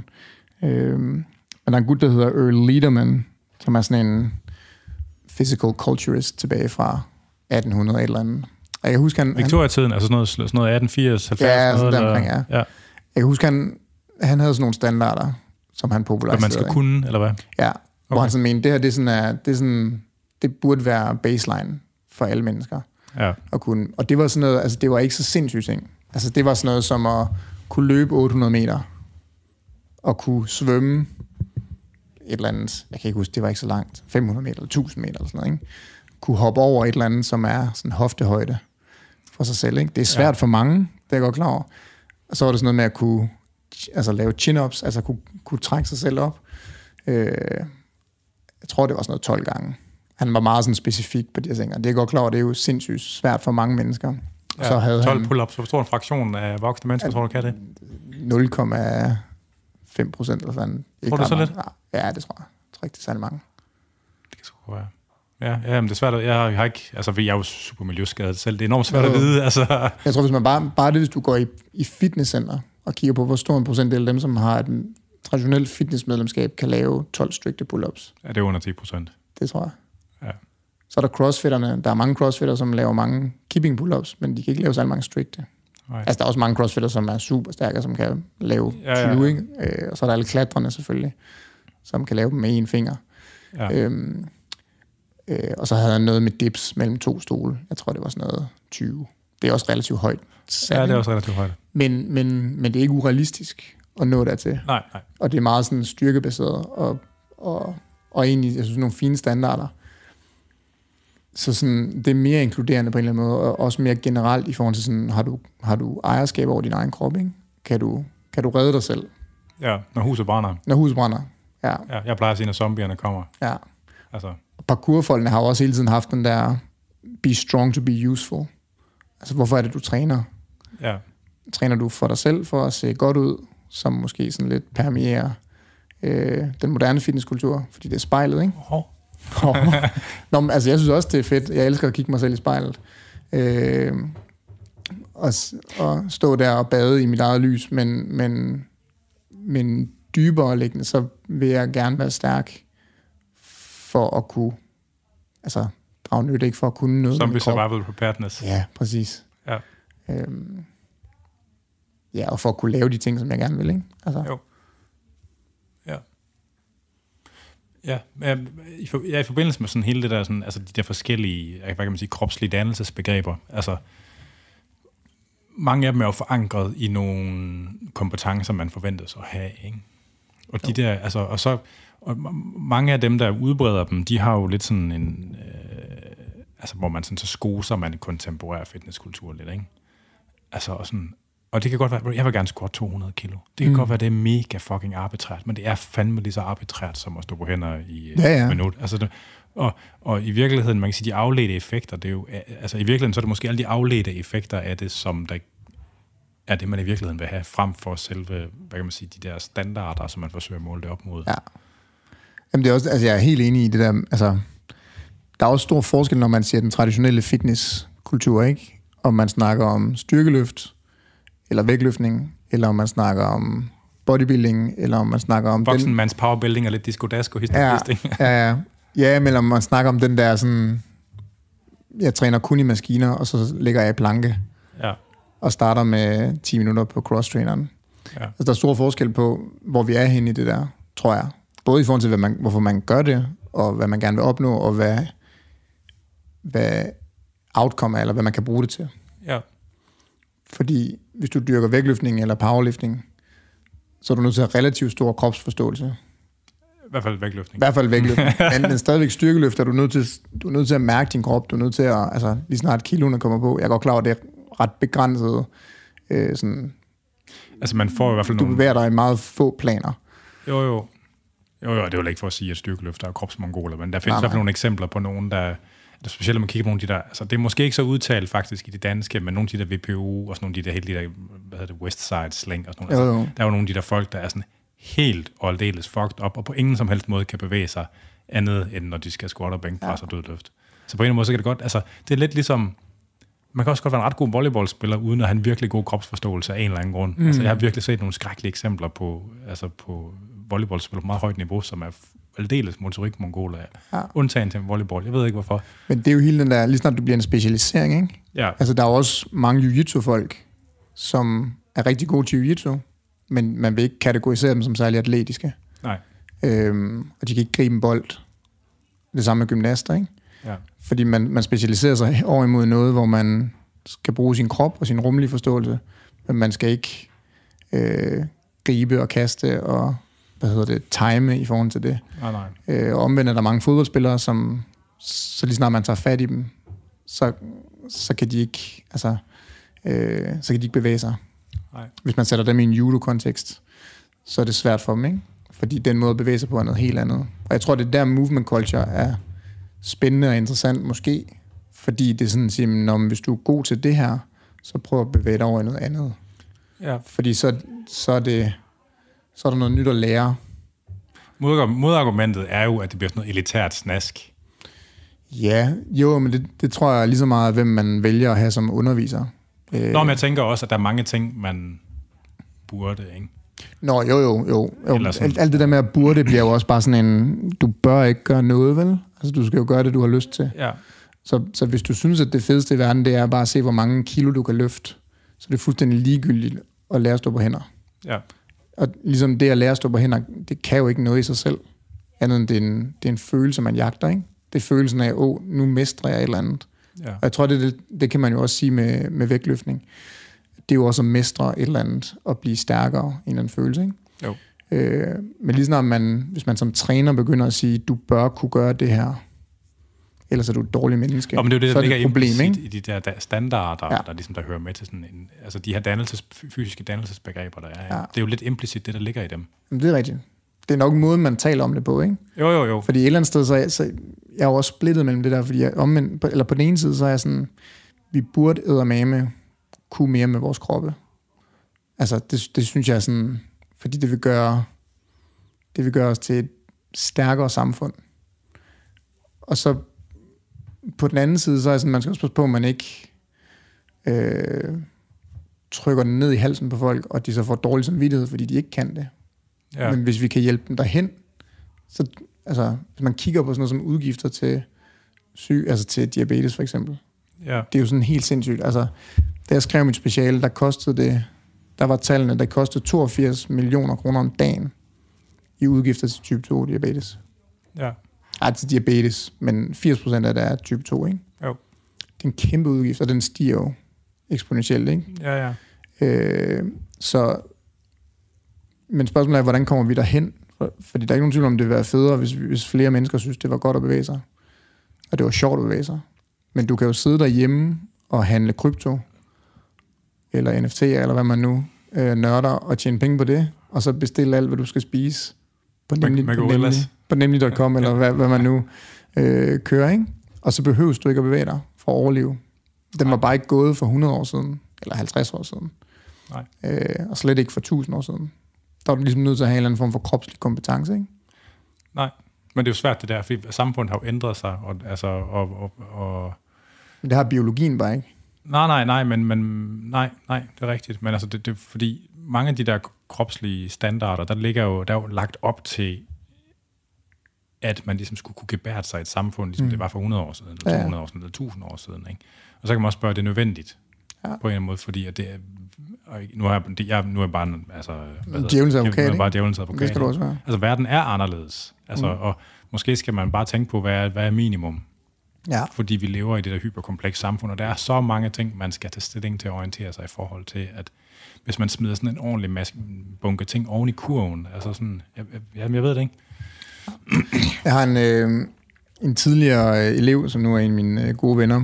Øh, han, øh, hans mor er antropolog, og ja. har arbejdet med sådan et, øh, et folk nede i Afrika, der hedder Ik-folket. Øh, han hedder Karl.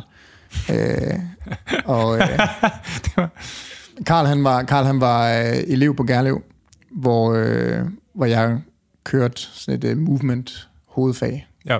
Øh, først som sådan noget, ja, bare movement, og så blev det til natural movement, ikke? Øh, hvor vi lavede det som hovedfag på linje med crossfit og dans og parkour. Så var sådan noget blandingsfysisk aktivitet, altså med forskellige elementer, parkour, gymnastik, øh, ja. sådan noget. Ja. Og vi ligesom sådan bare udforskede forskellige øh, ting, ikke? Så det var ikke sådan, du skulle ikke, vi skulle ikke lære en idrætsgren eller en bestemt disciplin, men det var ligesom bevægelseskompetence inden for alle mulige ting. Så prøvede vi alle mulige af, ikke? Altså, ja. øhm, og Karl, han... Øh, Karl er super fed og super, hvad hedder det, super atletisk også, tidligere basketballspiller, og, øh, så han, han er også vant til at træne. Og øh, så fortalte han mig en, øh, en historie. Jeg håber, det er okay, jeg deler den nu her. øh, det gør jeg i hvert fald her. Men, øh, men han, var, han var nede med hans, øh, hans mor og besøgte det her folk her. Og, øh, så, og det er sådan folk, som lever i naturen stadigvæk. Altså, de har deres Urfolk, små, Ja, de har der små hytter, ikke? Og så øh, jager de og, og sådan ting. Og du ved, de går og snakker med naturen, fortalte han sådan. Når de går en tur ud i naturen, så, så fortæller de sig selv, for ligesom at huske på, når det der, det er den der blad der, det kan man bruge til det her medicin, og den der, den er giftig, og den der slange, den skal vi passe på, og sådan ting. Så de har ligesom sådan, de lever mm. øh, med naturen, ikke? Og, øh, og der var altid noget at lave, som de er altid fysisk aktive. Og Karl laver du ned som, som antropolog, kan man sige. Øhm, og, og hjælpe hans mor, og, og selv ligesom i forhold til hans studie også øh, lave nogle ting. Og så fortæller han, at, at der var sådan en, et virkelig sådan smukt scenarie, ikke? men der var sådan, du ved, det perfekte træ til at hænge sæt ringe op i, og savannen der, og solopgangen. Og du synes, de gang til, var mega fjollet? Karl, han, øh, han sætter ringene op og, og træner ligesom der, og jeg ved ikke, om han også havde en telefon på, men, øh, men i hvert fald så, så var han i gang med at lave den der session, ikke? Og så kommer der sådan en, øh, en over, og, øh, og bare begynder at stå og sk- altså skælde ham ud på deres øh, sprog, ikke? Øhm, og Karl forstår ikke, hvad, hvad de siger, eller hvad han siger. Og, Det øh, træet, eller hvad? Nej, nej, nej, nej, nej. Øh, og han var sådan lidt en, ham der typen der, han var, han var sådan lidt en, den lidt sære i det der samfund der. Ja, Men det viser også, at han var så også den ærlige. ja. Fordi de vil ikke fortælle Karl, hvad det er, han siger. Men, øh, men det, det får han så ud af dem til sidst. Og det han ligesom har sagt, det er sådan, hvis du har så meget energi, kan du så for helvede ikke bruge den på at gøre nogle af de ting, som rent faktisk skal laves. Jeg bruger for, om der bliver gjort, ja. Ja. Øhm, hvor man kan sige, i vores samfund, så er det jo, altså der, vi går ned og bruger energi på ting, som er fuldstændig ligegyldige. Altså, vi flytter væk ned i centret, som ikke har nogen funktion andet end, at vi ikke bliver overvægtige, eller får sukkersyge, eller at vi bliver stærkere. Har en dyb metafysisk betydning, vil jeg bare lige sige. Nå, men jeg gør jo det samme, men, men det er jo bare meget sjovt at kigge på den på den der, ikke sådan, dernede, der har fysisk aktivitet, der bruger man sin energi på noget nyttigt. Ja. Herhjemme, der, der er vi nødt til at bruge noget energi, fordi ellers bliver vi syge. Ja.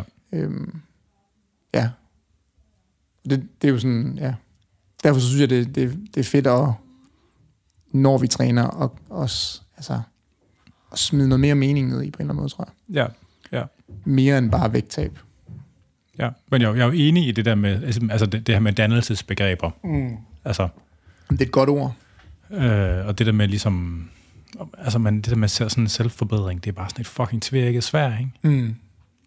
Øh, og det kan også være mange forskellige ting, men altså det er bare, ja, det er et complicated. Ved du hvad, vi, vi kører lige en skiller, fordi Ja. at så øh, kan vi fortsætte med resten bagefter.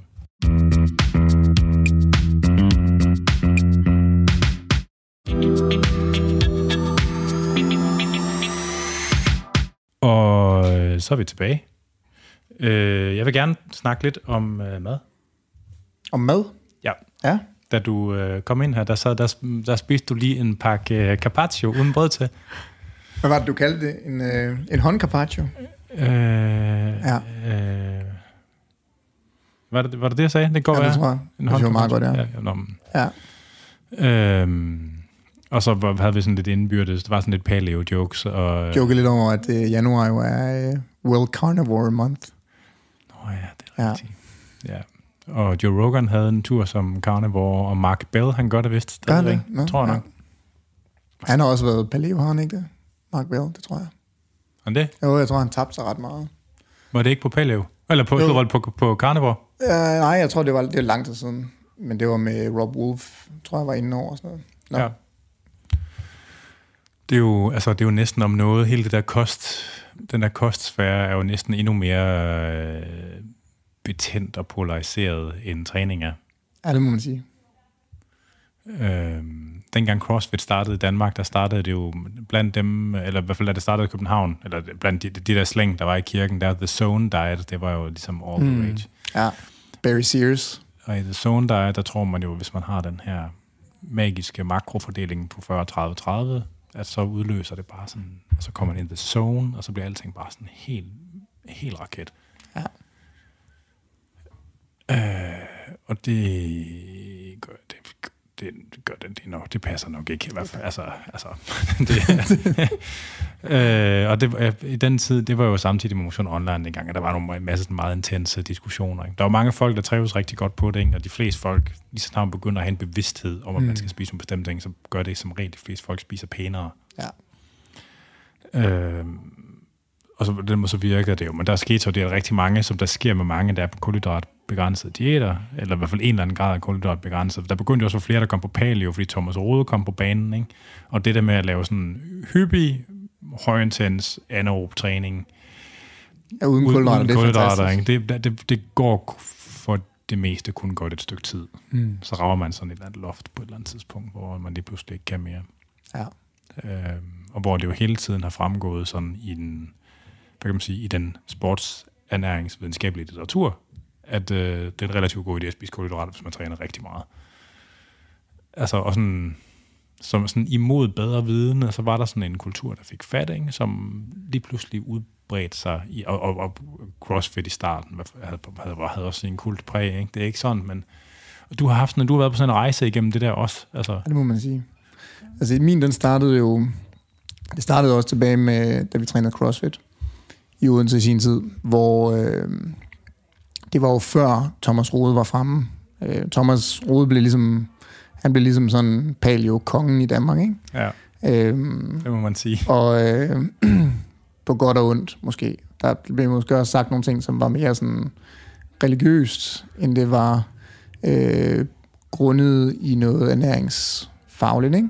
Jo, Men, men før, det vil jeg gerne knytte noget til. ja, Altså fordi enormt mange af dem, der har haft sådan nogle, de der, øh, hvad kan man sige, fringe, lidt, lidt fringe standpunkter, det er jo folk, der har reddet sig selv fra et eller andet. Folk, Præcis. der har gjort sig raske, Ja. de kommer fra et dårligt sted, ikke?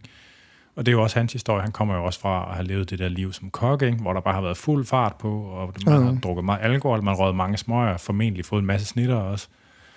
Øh, det, ved jeg ikke lige meget om, men det er der i hvert fald mange sådan, i kokkemiljøet, de får skulle lige noget til næsen, når man har travlt. Ikke? Altså sådan, og det, det slider, det er hårdt. Og selvfølgelig, ja. hvis man har været helt ved at knække halsen fuldstændig på det der, og man ligesom er blevet frelst gennem noget, så giver det mening, at man Ja. har den der følelse omkring det. jeg tror, jeg tror, han er meget passioneret. Altså, jeg mødte ham på et tidspunkt på øh, sådan Training for Warriors seminar i Odense, hvor vi snakkede omkring det der. Øh, og det virkede som om, at han er meget sådan passioneret omkring rent faktisk at gøre en forskel for folk, ikke? Ja. Og, udbrede det der budskab. Øh, så tror jeg, altså hjertet, og det, det kommer fra det helt rigtige sted, ikke? Men, men der blev bare sådan sagt nogle ting der, hvor jeg var sådan, jeg kan huske, men nu er jeg jo ikke kendt på samme måde, så jeg, jeg har ikke ligesom, har ikke ligesom samme slagkraft, vel? Nej, Men øh, jeg sad og tænkte sådan, det der, det er måske ikke... Altså, nu, nu, når vi begynder at gå ned ad den her tangent, så får paleo et dårligt ry, fordi det er forkert. ja. Men min egen indgang til det var ligesom, at altså, jeg startede ja, nogle år før det der, øh, hvor en kammerat, jeg har, som øh, læste medicin på det daværende tidspunkt, han præsenterede mig for den bog, der hedder Good Calories, Bad Calories. ja. Øh, Er det Rob Wolf? Nej, det er... Åh, det kan vi finde uh, senere. Er Jeg kan, ikke, jeg kan ikke lige huske, hvad den hedder. Uh, det er så mange år siden. Super tung bog at komme igennem. Uh, men grundlæggende set, så, så, så er konklusionen ligesom, at alt det her med fedtforskrækkelse, det er en politisk beslutning, ligesom så meget andet er, at man beslutter, at noget er farligt, og så kører man bare med den, ikke? For man havde ikke ligesom tid til at... Øh, Som i en kritik af lipidhypotesen? ja, Okay. Som i, at man, altså, der ligger også den der video tilbage fra altså McGovern-kommissionen, hvor de ligesom beslutter politisk madpyramiden. Og siger sådan, han siger ham, der er guvernøren, sådan, øh, vi har ikke tid og den luksus at vente på, at alt data kommer ind, fordi hvad hedder videnskabsfolden sidder ligesom er uenige i det her. Og så siger mm. han, så vi beslutter bare det her. Vi beslutter, at fedt er farligt. Og så kørte man ligesom med den. Øhm, men han, han dykker ligesom ned i den der, Gary Taubes han, og, øh, og kigger på hele det her med keto og kulhydrater og eksempler på øh, befolkningsgrupper, som klarer sig rigtig, rigtig fint uden kulhydrater. Øh, Og med meget fedt. og med meget fedt, ikke? Ja. Øhm, og at der er rigtig mange ting med sukker og den måde øh, industrielt fremstillet mad, det er måske ikke sådan super hensigtsmæssigt for os. Så jeg, jeg læste den der og dykkede fuldstændig ned i det der og, og købte den, og så begyndte at lade være med at spise kulhydrater. Så jeg ud ingen kulhydrater. Øh, jeg fik det fantastisk. Altså jeg har altid haft noget med maven, ikke? Altså altid, min familie har altid drillet mig med, at når, inden vi skal noget, så skal morgen lige på toilet. Så og jeg, sådan læger kunne ikke rigtig finde ud af, hvad det var, men, men jeg var i hvert fald på toilettet ofte, øh, og havde hele tiden følelsen af, at jeg skulle på toilet. Og det forsvandt det der, øh, da jeg stoppede med ligesom at spise kulhydrater. Øh, så fik jeg det fedt. Min mave var ikke oppustet. Og så var jeg ligesom okay, så det giver mening, at man har Hvad, det hvad bedre. spiste du på ketosediet? Eller var det, det var ketosediet formodet, mm. så hvis du var skåret? Ja, det, blev det, det var det på det tidspunkt der, ikke? Øh, kød og grøntsager. Okay. Øh, salat. Og det kan godt være, altså... Det kan godt Det være være svært alle for nogen. ting. Nå, Ja. men det kan godt være svært, hvis man virkelig skal holde sig under et eller andet 50 Ja. gram kulhydrat per dag. Ikke? Altså, Ja. at- Jamen, det er jo ikke engang, fordi jeg, sådan, altså, jeg, jeg har aldrig... Jeg har prøvet i perioder, fordi det skulle vi på studie og sådan noget, at tælle kalorier, men det er ikke, fordi jeg har talt gram og sådan noget. Jeg ændrede bare fødevaregrupper, ikke? Okay. Så jeg spiste bare mere kød, mere æg, ost, øh, salat, grøntsager og sådan ting. Så det har ikke været stringent ketogen diæt, eller hvad? Det var ikke, keto var slet ikke en ting dengang. Nej, det var bare low carb. Der, jamen, der, var slet ikke, der var slet ikke nogen, der snakkede om keto. Åh, oh, det var der. Bare roligt, det var der. Jo, det var der, men ikke i Danmark. Altså, det var ikke sådan en... Det, var, det kan godt være, at jo diætister og sådan noget har snakket om det længe, men der var ikke, det var ikke sådan en... Det var ikke en populær ting i fitness. Nej, nej, men det, men det, det, det, fandt, det fandtes i fitnessmiljøet. Altså, øh, Ja, det kan godt være, men, øh, men det er jo ikke noget, der sådan var øh, almen kendt dengang. nej, nej. Så, så man kan sige, jeg gik, jeg gik egentlig bare ind i det der og, og tænkte sådan, okay, nu prøver jeg lige at se, hvad sker der, hvis jeg gør det der, og så fik jeg det bedre. Og så kom Paleo ind i, i CrossFit på det tidspunkt der. Ja, Sådan lidt sideløbende med, ikke? Nogen, jeg kan huske, nogle af, af vores medlemmer, de var sådan, åh, Paleo, det er det nye, og det er fedt, og det er sådan her, vi skal leve alle sammen, og sådan noget. ja.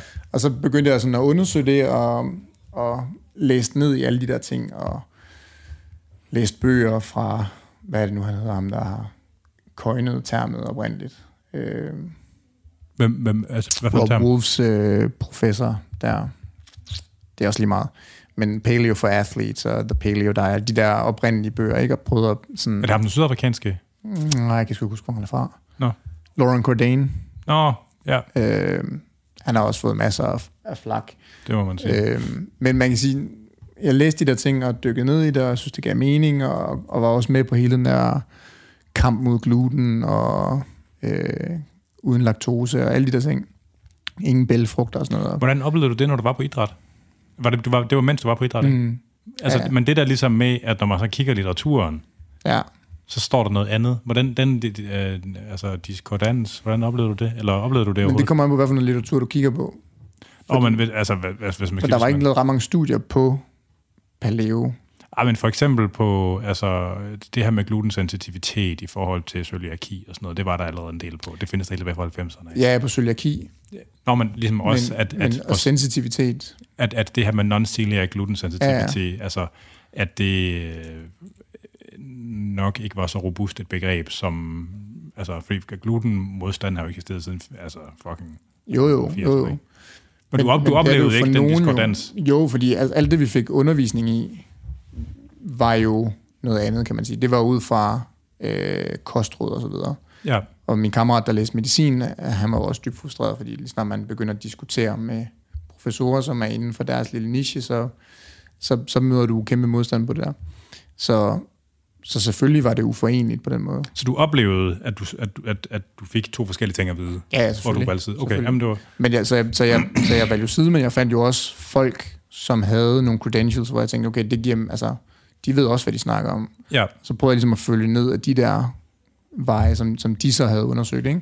Og så, så danner man så lidt sådan sit eget, hvad hedder det, ståsted, tror jeg. ja, Øhm, jeg kunne bare konstatere, at jeg havde det bedre. ja, Øh, jeg var mere klar i hovedet, og altså, Ja. det der med maven forsvandt og sådan ting. Øhm, indtil, for jeg kørte jo low carb der. Altså, og altså, trænede helt vildt og voldsomt. og så, så trænede jeg jo helt vildt og voldsomt. Jeg tror, der er mange, som har trænet helt vildt og voldsomt, men som atleter, øh, hvor det måske er noget lidt andet end CrossFit. Hvor CrossFit er jo sådan, alt bliver jo bare anaerobt. Ja. Øhm, og det gik rigtig fint i starten, indtil for mig, der cra- altså jeg crashede bare på et tidspunkt. All retard, all the time. Ja, og jeg kunne bare ikke få intensiteten op. Og jeg var sådan, jeg begyndte at, at vågne om natten og skulle tisse. Så jeg skulle på toilettet. På et tidspunkt, der var jeg op sådan 12 gange om natten. Så sover man satme ikke særlig så godt. sov man ikke særlig godt. Og det tænker jeg var lidt et problem, som øh, hvad havde været, noget, og- ja, ja. par 20, Ja. 24 eller sådan noget, 23, 24. Øh, så det er jo sådan, det er jo over 10 år siden. Øh, indtil jeg ligesom prøvede at uddanne mig lidt på det der, og begyndte at spise nogle kulhydrater. Jeg havde sådan en oplevelse, hvor jeg tog hjem, kom hjem fra jiu træning sent om aftenen. Det er heller ikke fedt at træne noget, hvor man slås, og man er færdig i 21.30. Det er sådan en anden ting. Nej. Øhm, man kan huske, så, så smed jeg fire sådan store søde kartofler i ovnen. Øhm, spiste dem, og så sov jeg bare 12 timer. Øh, det var fedt. Dejligt. Og sov bare igennem, ikke? Og så, så gik det ligesom op for mig, at der var et eller andet her, i det der måske lidt religiøse øh, paradigme, som, som ikke passede med den måde, vi også trænede på. Øh, for jeg tror, paleo og low carb er fantastisk til nogle ting. Mm. Altså, jeg tror, det, det kan være en rigtig god skabelon for folk, som bare gerne vil leve sundere, og som ikke bevæger sig højintenst, og måske har problemer med deres kontrol af sukker, så tror jeg, det er rigtig smart at prøve at skære ned på kulhydraterne. Ja. Øhm. Jeg vil også sige, sige noget, der muligvis er en lille smule kontroversielt. Mm. At det der med den der sense of belonging, altså at man, at, at man får sådan en, en man får et tilhørsforhold igennem et kostmønster, ikke? Mm. det gør også det lettere at fastholde sin adfærd. Ja, det tror jeg også. Og det, så, så, så selvom tilhørsforholdet så måske er forankret i, at der bliver sagt nogle ting, der ikke passer, eller måske endda kan være kontraproduktive, så kan nettoresultatet stadigvæk godt ende positivt, mm. på grund af den her sociale effekt af at være en del af det. Ja. Og det er der, hvor det bliver, og det er der, hvor det bliver øh, super kompliceret, for der er også nogle folk, der ryger ind i det, som, som måske ikke fysiologisk set trives med det, men som hægter sig på den sociale ting. Altså, sådan, jo, jo. altså, altså sådan, så, det, så det kan være tvækket svært, det der. Ikke? Jo. Men det, den, den gælder jo også den anden vej, ikke? fordi jo. der er også folk, der bliver fastholdt i en livsstil, som ikke tjener dem, fordi at de er på arbejdspladsen, der er alle dem, de omgås, der spiser man på en bestemt måde. Ja. Øhm, så jeg tror helt sikkert, at den der sådan, den sociale effekt af mad, skal man ikke underkende Nej. overhovedet. Og jeg tror også, altså der hvor jeg er i dag, er også et helt andet sted, som jeg siger sådan, jeg tror, den der evolutionære perspektiv, eller det sådan, at have det som som en grundskabelon for, hvad, der, hvad er sundt og nærende. Mm. Det tror jeg ikke er en dum ting. Øhm, så skal man selvfølgelig anerkende, at vi lever i et samfund, hvor vi bliver eksponeret for alt muligt jo. Øh, fordi der er lækker is, og der er lækkert brød, og alle de her ting. Og så skal man finde sin vej i det der. For lige snart det bliver så religiøst, at du ikke kan tage nogen steder hen og spise, eller være sammen med andre mennesker, så bliver det et problem. Ja. Fordi så, så kan du kun være sammen med de mennesker, som lever ligesom dig. Ja. Og så, så, så bliver det ekskluderende ligesom det andet, ikke? Så er det bare jo. dig, der ekskluderer andre. Øhm, så, så jeg tror, man er, man er nødt til ligesom at finde sin vej i det, men jeg tror, der er så mange mennesker, der er forvirret omkring, hvad der er sundt og hvad der ikke er sundt. Ja. Og der tror jeg, at det at tage, ligesom at prøve at skrue tiden tilbage, og så sige, okay, hvordan lever folk rundt omkring i verden. For der er jo ikke én paleo. Der er jo ikke én evolutionær måde at leve på. Men nej, en ting er 100% sikkert, det er, du finder ikke nogen steder med fritlevende mennesker. Nu kalder jeg dem fritlevende, det er folk, som ikke lever ligesom os, hvor vi ligesom er bokset ind på den måde, vi er her i samfundet. Folk, som lever i naturen. Du finder ikke nogen, som lever af sneakers og is og der. Men hvis de havde adgang til dem? Så vil de, man vil spise, men så vil de også se de samme ting som os, ikke? Ja. Øhm, men om det så er, at de lever af bananer, eller om de lever af sælkød, eller om de lever af noget andet, eller en blanding, eller søde kartofler og fisk, det varierer jo. Jo, men... Men det hele er jo komplekse fødevarer. Jo, jo. Fødevarer. Men, men der er, altså, det er jo naturlighedsargumentet. Ja. Kalder man det sådan? Ja, altså sådan, det der, altså, ja, så kan vi sige, at naturlig er et dårligt begreb, og slangegift. Nå, nej, men det er jo ikke det. Altså, men, øh, det. Men det er jo i virkeligheden så er naturlighedsargumentet et pseudo-argument. Ja. Altså, det er ikke det samme, som det ikke passer, eller ikke har merit, men det er jo et pseudo-argument, ikke? Og, og det der kan være, altså det der, og jeg er jo tilbøjelig til at være enig. Altså man kan jo se, altså de spiser ikke for meget, de spiser fucking grøntsager, eller når de kan komme til det, ikke? Og, og man arbejder for at få sin mad. Men jeg tror også noget som, at folk ikke har stressende liv. Mm. Og man bor ikke i byer, hvor der er partikelforurening, og lys og larm om natten. Og, ja. altså, der, der er mange flere ting, der bidrager til det, ikke? Og det, når, når man, hvis man, altså naturlighedsargumentet kan godt invitere lidt til, at man måske fokuserer lidt for meget på kosten som den forklarende faktor. Der er mange ting, der bidrager til det der med at, at have et liv i trivsel og sådan noget. Det er helt enig i, altså, men det er jo også den, altså, sådan naturlighed, når jeg, hvis jeg sådan kigger på det, bør jo også være mere end bare kosten. Ja. Det bør jo også være, hvordan sætter jeg mit liv op, så ja. jeg ikke... Man skal for eksempel have en til fire koner og sådan noget. Og så jeg ikke har sådan en sindssygt stressende liv, ikke? Ja. Hvordan sover jeg om natten? Altså sådan, ja. hvor meget skærmtid har jeg? Hvor meget, altså, hvor mange nære relationer har jeg? Altså, jeg tror, alle de der faktorer spiller ind hvis man skal, skal tage den der naturlighed. Ja. Ja. Vi kan jo rigtig godt lide i vores samfund at have en eller anden sådan pille, eller sådan at sige, hvis jeg bare, er det bare det her, jeg skal ændre på? Mm. Hvad er, sådan, hvad er det minimale, jeg kan gøre? For jeg vil helst ikke lave for meget, men jeg vil gerne have det sådan her. Ja. Øh, Jeg vil gerne have alt det, jeg har nu, men jeg vil gerne have det anderledes. Livet er lidelse. Livet nogle, er nogle, lidelse, Nogle gange ja. så skal man lide for... Øh, Ja, du skal have, du skal have Markus ind. ja. Men Et, det, et, et af de steder, hvor, at, hvor naturlighedsargumentet, det, går- altså hvor, jeg ved ikke, om det bliver giftigt, eller men hvor det let kan blive kontraproduktivt, det er jo hele den her fokusering på, at alting det skal være biodynamisk, organic, grass-fed, bla bla bla. Altså, øh, ud fra en forståelse af, at en, øh, en biodynamisk, økologisk kartoffel, den er klinisk signifikant sundere end en ikke økologisk, biodynamisk kartoffel mm. er. Og det er der ingen, der fucking ved. Altså, og det er, bare, og det er, sådan, og det er en ting igen og igen, selv når man kigger på de der urfolk rundt omkring i verden, de lever jo for det meste af et relativt smalt sortiment mm. af fødevarer. ja, ja, Vi kan gå ned i Netto og have adgang til alt muligt. alt muligt, ikke? og vi indtager det i større mængder, fordi at det gør man bare i den vestlige Ja, ja. verden. Altså, Og vi har krydderier og ting, der får det til at smage mere lækkert, ikke? Og så er der hele det der. Yes, og jeg, og jeg er med på, at man har, man har forædlet næsten alle vores fødevarer, så de øh, har et større indhold. Altså, alle, øh, alle de fødevarer, de indeholder jo nu, altså, proteinet i korn, det er der, fordi det er et lagerprotein, som, mm. altså, som man har forædlet det med henblik på, at de laver mere lagerprotein. Og kulhydraterne i korn, de kommer også fra, fordi det er meningen, de skal være lidt brændstof til, når der skal gro nye ting frem. Ikke? Og alle, alle de her fødevarer, dem har vi forædlet, så de bliver større. Og det gør ligesom, at indholdet mellem ration mellem mængden af de her makronæringsstoffer, de her lager ting, der er, bliver, der, bliver der, bliver, der er mere af det, end der er i den del af, de dele af fødevaren, der indeholder fytonæringsstoffer og alt det der, der formodentlig er godt. Ikke? Men stadigvæk, så er det nettoindtag, altså muligheden i hvert fald for nettoindtag af de her fytonæringsstoffer er formentlig bare stadigvæk større på grund af det her enorme sortiment, vi har adgang til. Vi kan gå fucking ned og købe altså, en pose løg og nogle peberfrugter og tomater. Altså, altså sådan, det, det, bare, det kan det godt være, sådan en tomat, den måske kun er, indeholder halvt så mange fytonæringsstoffer som en paleo ur tomat of doom. Ikke? Altså sådan, øh, og det, det, det, det, det, det, slår mig, det krasser i min sjæl, det der ligesom, når at det hele, det skal være, når det sådan bliver, skal være militant, altså øh, biodynamisk, økologisk, der må ikke være, altså nej, sprøjtemidler er ikke fede, vi ved ikke, vi ved ikke om der findes en sikker grænse for, for sprøjtemidler, altså øh, ja, en eller anden urbønne er for, kan, kan måske godt være bedre end en knap så uragtig bønne, ikke? Men, men det er jo det, det sted, hvor det, hvor det er enormt lidt mere ekskluderende, ikke? Jo, jo. Men det bliver også, altså, man, men, men ja, jeg er helt enig.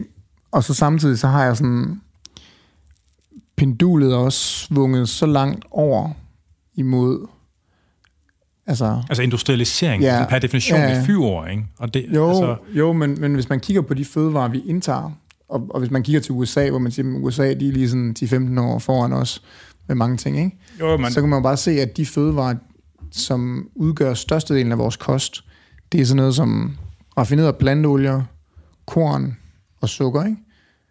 Det, det, det, de ligesom sådan, altså, det, det er der, vi får størstedelen af vores energi fra. Så siger man, er det så, er det så en skidt ting at prøve at se, om man kan trække den i den anden retning, ved at være ekstrem på en anden måde? Og der er sådan, så jeg er godt klar, at vi kommer ind og pille ved en masse gør det tvækket svært igen. det er jo det ikke. Vi kommer til at pille ved en masse ting, som, som når men så kommer alt det der med skam og alle de der ting ind over, fordi når man, så lever jeg ikke op til den øh, ideologi, som jeg har, eller den måde, som jeg bør spise på. Og så har vi det som et problem, men, men, men legitimere det, at man så bare skal give slip, og så lade folk spise det, som øh, de store virksomheder gerne vil have os til at spise, Men er det- fordi det er det, de tjener penge på. Ja, Altså, så, så er der, altså hvis det- man det- sådan groft, det er meget groft. jeg kommer tæt på sådan noget konspirationsknald, ikke? Nå, nej, men sådan, altså, du tjener jo ikke... Altså, der er ikke nogen tvivl om, at de virksomheder, som sidder på øh, at lave sådan noget som planteolie og altså raffineret sukker, og sådan, de tjener jo masser af penge på de jeg, fødevarer. Jeg tror ikke engang, det er der, du skal kigge, faktisk. Jeg tror, du skal kigge mere i færdigretter og i fast food. Jamen, det kan godt være. Og færdigrets, øh, færdigretsmarkedet har jo været i sådan en fuldstændig vanvittig. Ja, ja. udvikling i lang tid. Altså man, men det der med at lave fødevarer, så de smager af mere, og så de er hurtigere at spise. ja. Jamen, grund, min pointe er lidt det der med, sådan, altså jeg er helt enig i, at jeg, jeg tror lige snart vi laver de her meget rigide kostsystemer, om det så er zone, eller om det er sense diet, eller om det er paleo, eller om det er keto, eller hvad fanden det er. Øh, så, så, Sense vil jeg ikke sige rigid, men det er sådan en historie. Nej, men, men, men, det, er ja, ja, ja. Men, men det er et koncept, ikke? Jo. Hvis jeg siger, du, du spiser på en bestemt måde, eller du kan, eller Atkins, eller hvad ved jeg? Ja, ja. Øhm, lige snart du laver dem, så, så laver du også en gruppe med folk, men nu spiser vi alle sammen sådan her jo. Ja. Hvor jeg siger, jeg, det, jeg vil jo ønske, at vi kunne uddanne folk nok til at vide, hvad der var sundt og nærende for dem. Ja. Sådan helt grundlæggende set. Og der, der tror jeg bare, at det der med at sådan tage det der evolutionære perspektiv, og så sige, jamen grundlæggende set, så er du en abe, som har lidt lysere hår end en chimpanse. And a bigger slong. Ja. ja. Det har mennesker, end de andre menneskeaber. Det var det ikke engang... Ja, uh... vi, er meget, vi er den mest seksuelle abeart, ikke? Kvinder har også større bryster end vores øh, primat øh, fælder. Jamen, det er der nogle gode forklaringer på, tror jeg nok. Jamen, en af dem er blandt andet sådan, det der med, at vi er mere seksuelle. Nå, men det, det er en anden snak. Men det der med sådan at sige, at vi er i bund og grund et dyr.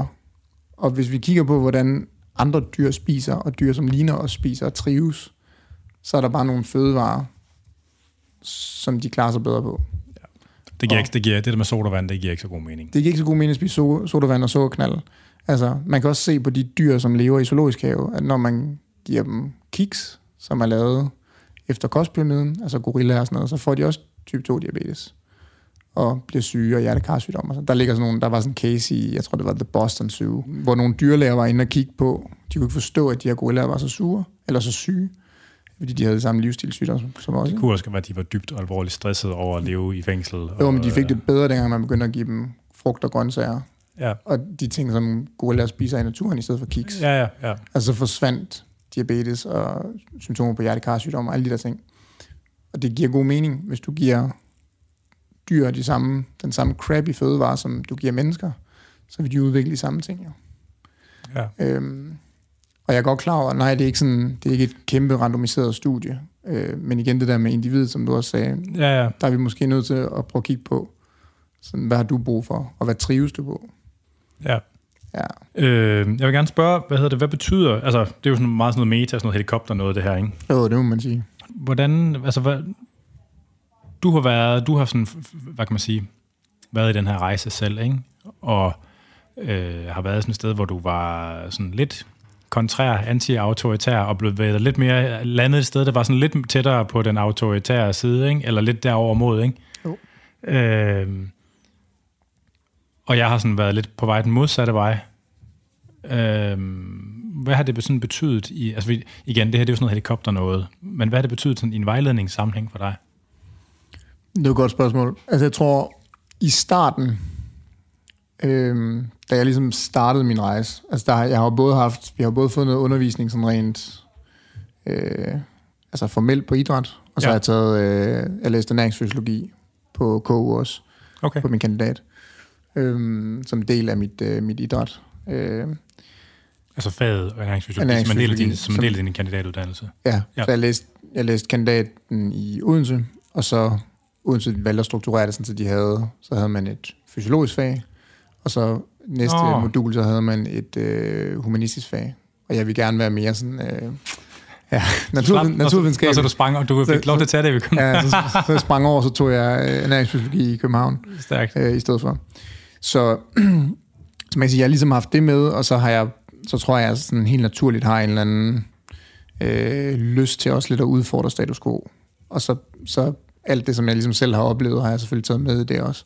Og jeg tror i starten, da jeg var, øh, da jeg startede den der rejse, der har jeg nok været mere øh, sådan, øh, man sige, indsnævret, eller mere sådan, jeg har kendt sandheden. Ja. Øhm, I den måde, jeg har sagt, eller har vejledt folk på. Sagt sådan, men hvis du har de her mål, så skal du spise sådan her og træne sådan her. Ja. Hvor efterhånden, som jeg også har taget mere coaching, og altså jeg har en master i NLP også, øhm, er jeg også begyndt at bevæge mig mere over imod ligesom at prøve at snakke med folk og finde ud af, hvad fungerer for dig, ikke? Ja. Øhm, fordi en ting er, at jeg spiser på en måde, og jeg har nogle værdier omkring nogle ting. og nogle overbevisninger omkring nogle ting. Øhm, og så er der det, som evidensen siger, og der kan man altid diskutere den ene eller den anden vej, og hvor meget skal vi vægte de her studier. Og, sådan. Øhm, og i sidste ende, tror jeg, det handler mere om, altså det kan være en rettesnor eller en, en, en retning, men, men det at finde frem til, hvad der fungerer for individet, og så kan man udfordre de ting. Ja. Så, så der, hvor jeg er nu, der er jeg sådan, jeg vil meget nødigt lave en kostplan til folk. Jeg vil gerne snakke med folk omkring... Jeg kender nogen, der hedder Linus, det godt kan hjælpe. Nå. jeg har jo faktisk jeg har jo haft nogle gode snakke med, med Linus og Bertram ja. i en anden sammenhæng, omkring netop det der med coaching, fordi at øh, det er meget få af deres coaches, tror jeg, der coacher. Der coacher. Ja. I hvert fald dem, der kommer frem på sådan Jamen, dårlig online coaching. Jeg Ja. tror, der er nogen af dem, der gør. Jeg kunne forestille mig sådan en som Retsak, han rent faktisk laver coaching. Jeg ved det ikke. Altså, jeg kender Og ikke det deres... afhænger nok af, hvor mange kunder de har i virkeligheden. Ja, og det, hvad, hvad er deres forretningsmodel er, ikke? ja, Men det er en, det er en helt anden sorry, snak. øhm, Det er gas. Du kan Ja. tage det, sømand.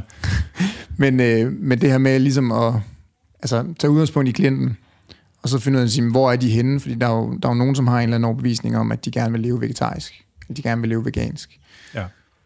Og jeg er ikke nødvendigvis enig i, at det at leve vegansk er særlig sundt øhm, i forhold til at ikke leve vegansk eller spise kød. Øhm, men det betyder ikke, at jeg ikke kan hjælpe folk. Det betyder bare, at jeg skal, jeg skal måske ikke gå ind og stikke noget ned i halsen på dem øhm, og sige, du skal spise på den her måde. Ellers så kan jeg ikke hjælpe dig. Så derfor så, så er, der, hvor jeg er nu, der har jeg mere samtaler med folk og prøver at hjælpe dem til at finde ud af, hvad, hvad er de bedste valg, de kan tage. Øh, hvad fungerer i deres hverdag? Hvad har de lyst til? Og så kan man prøve det af, og så kan vi tage en snak om det. Så er der stadigvæk mange, som har alle mulige overbevisninger, som jeg så tillader mig at udfordre.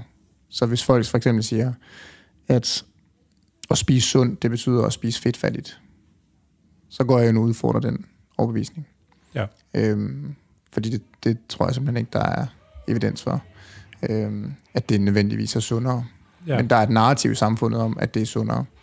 Øhm, og sådan er der så mange ting, og så derfor er der ikke noget entydigt svar på det der. Så hvis jeg skal vejlede nogen i at spise sundt, hvis folk kommer og er sådan helt på bar bund, Mm. øhm, så, så snakker vi mere omkring sådan grundlæggende principper og hele fødevarer, så uforarbejdet som muligt. Ikke?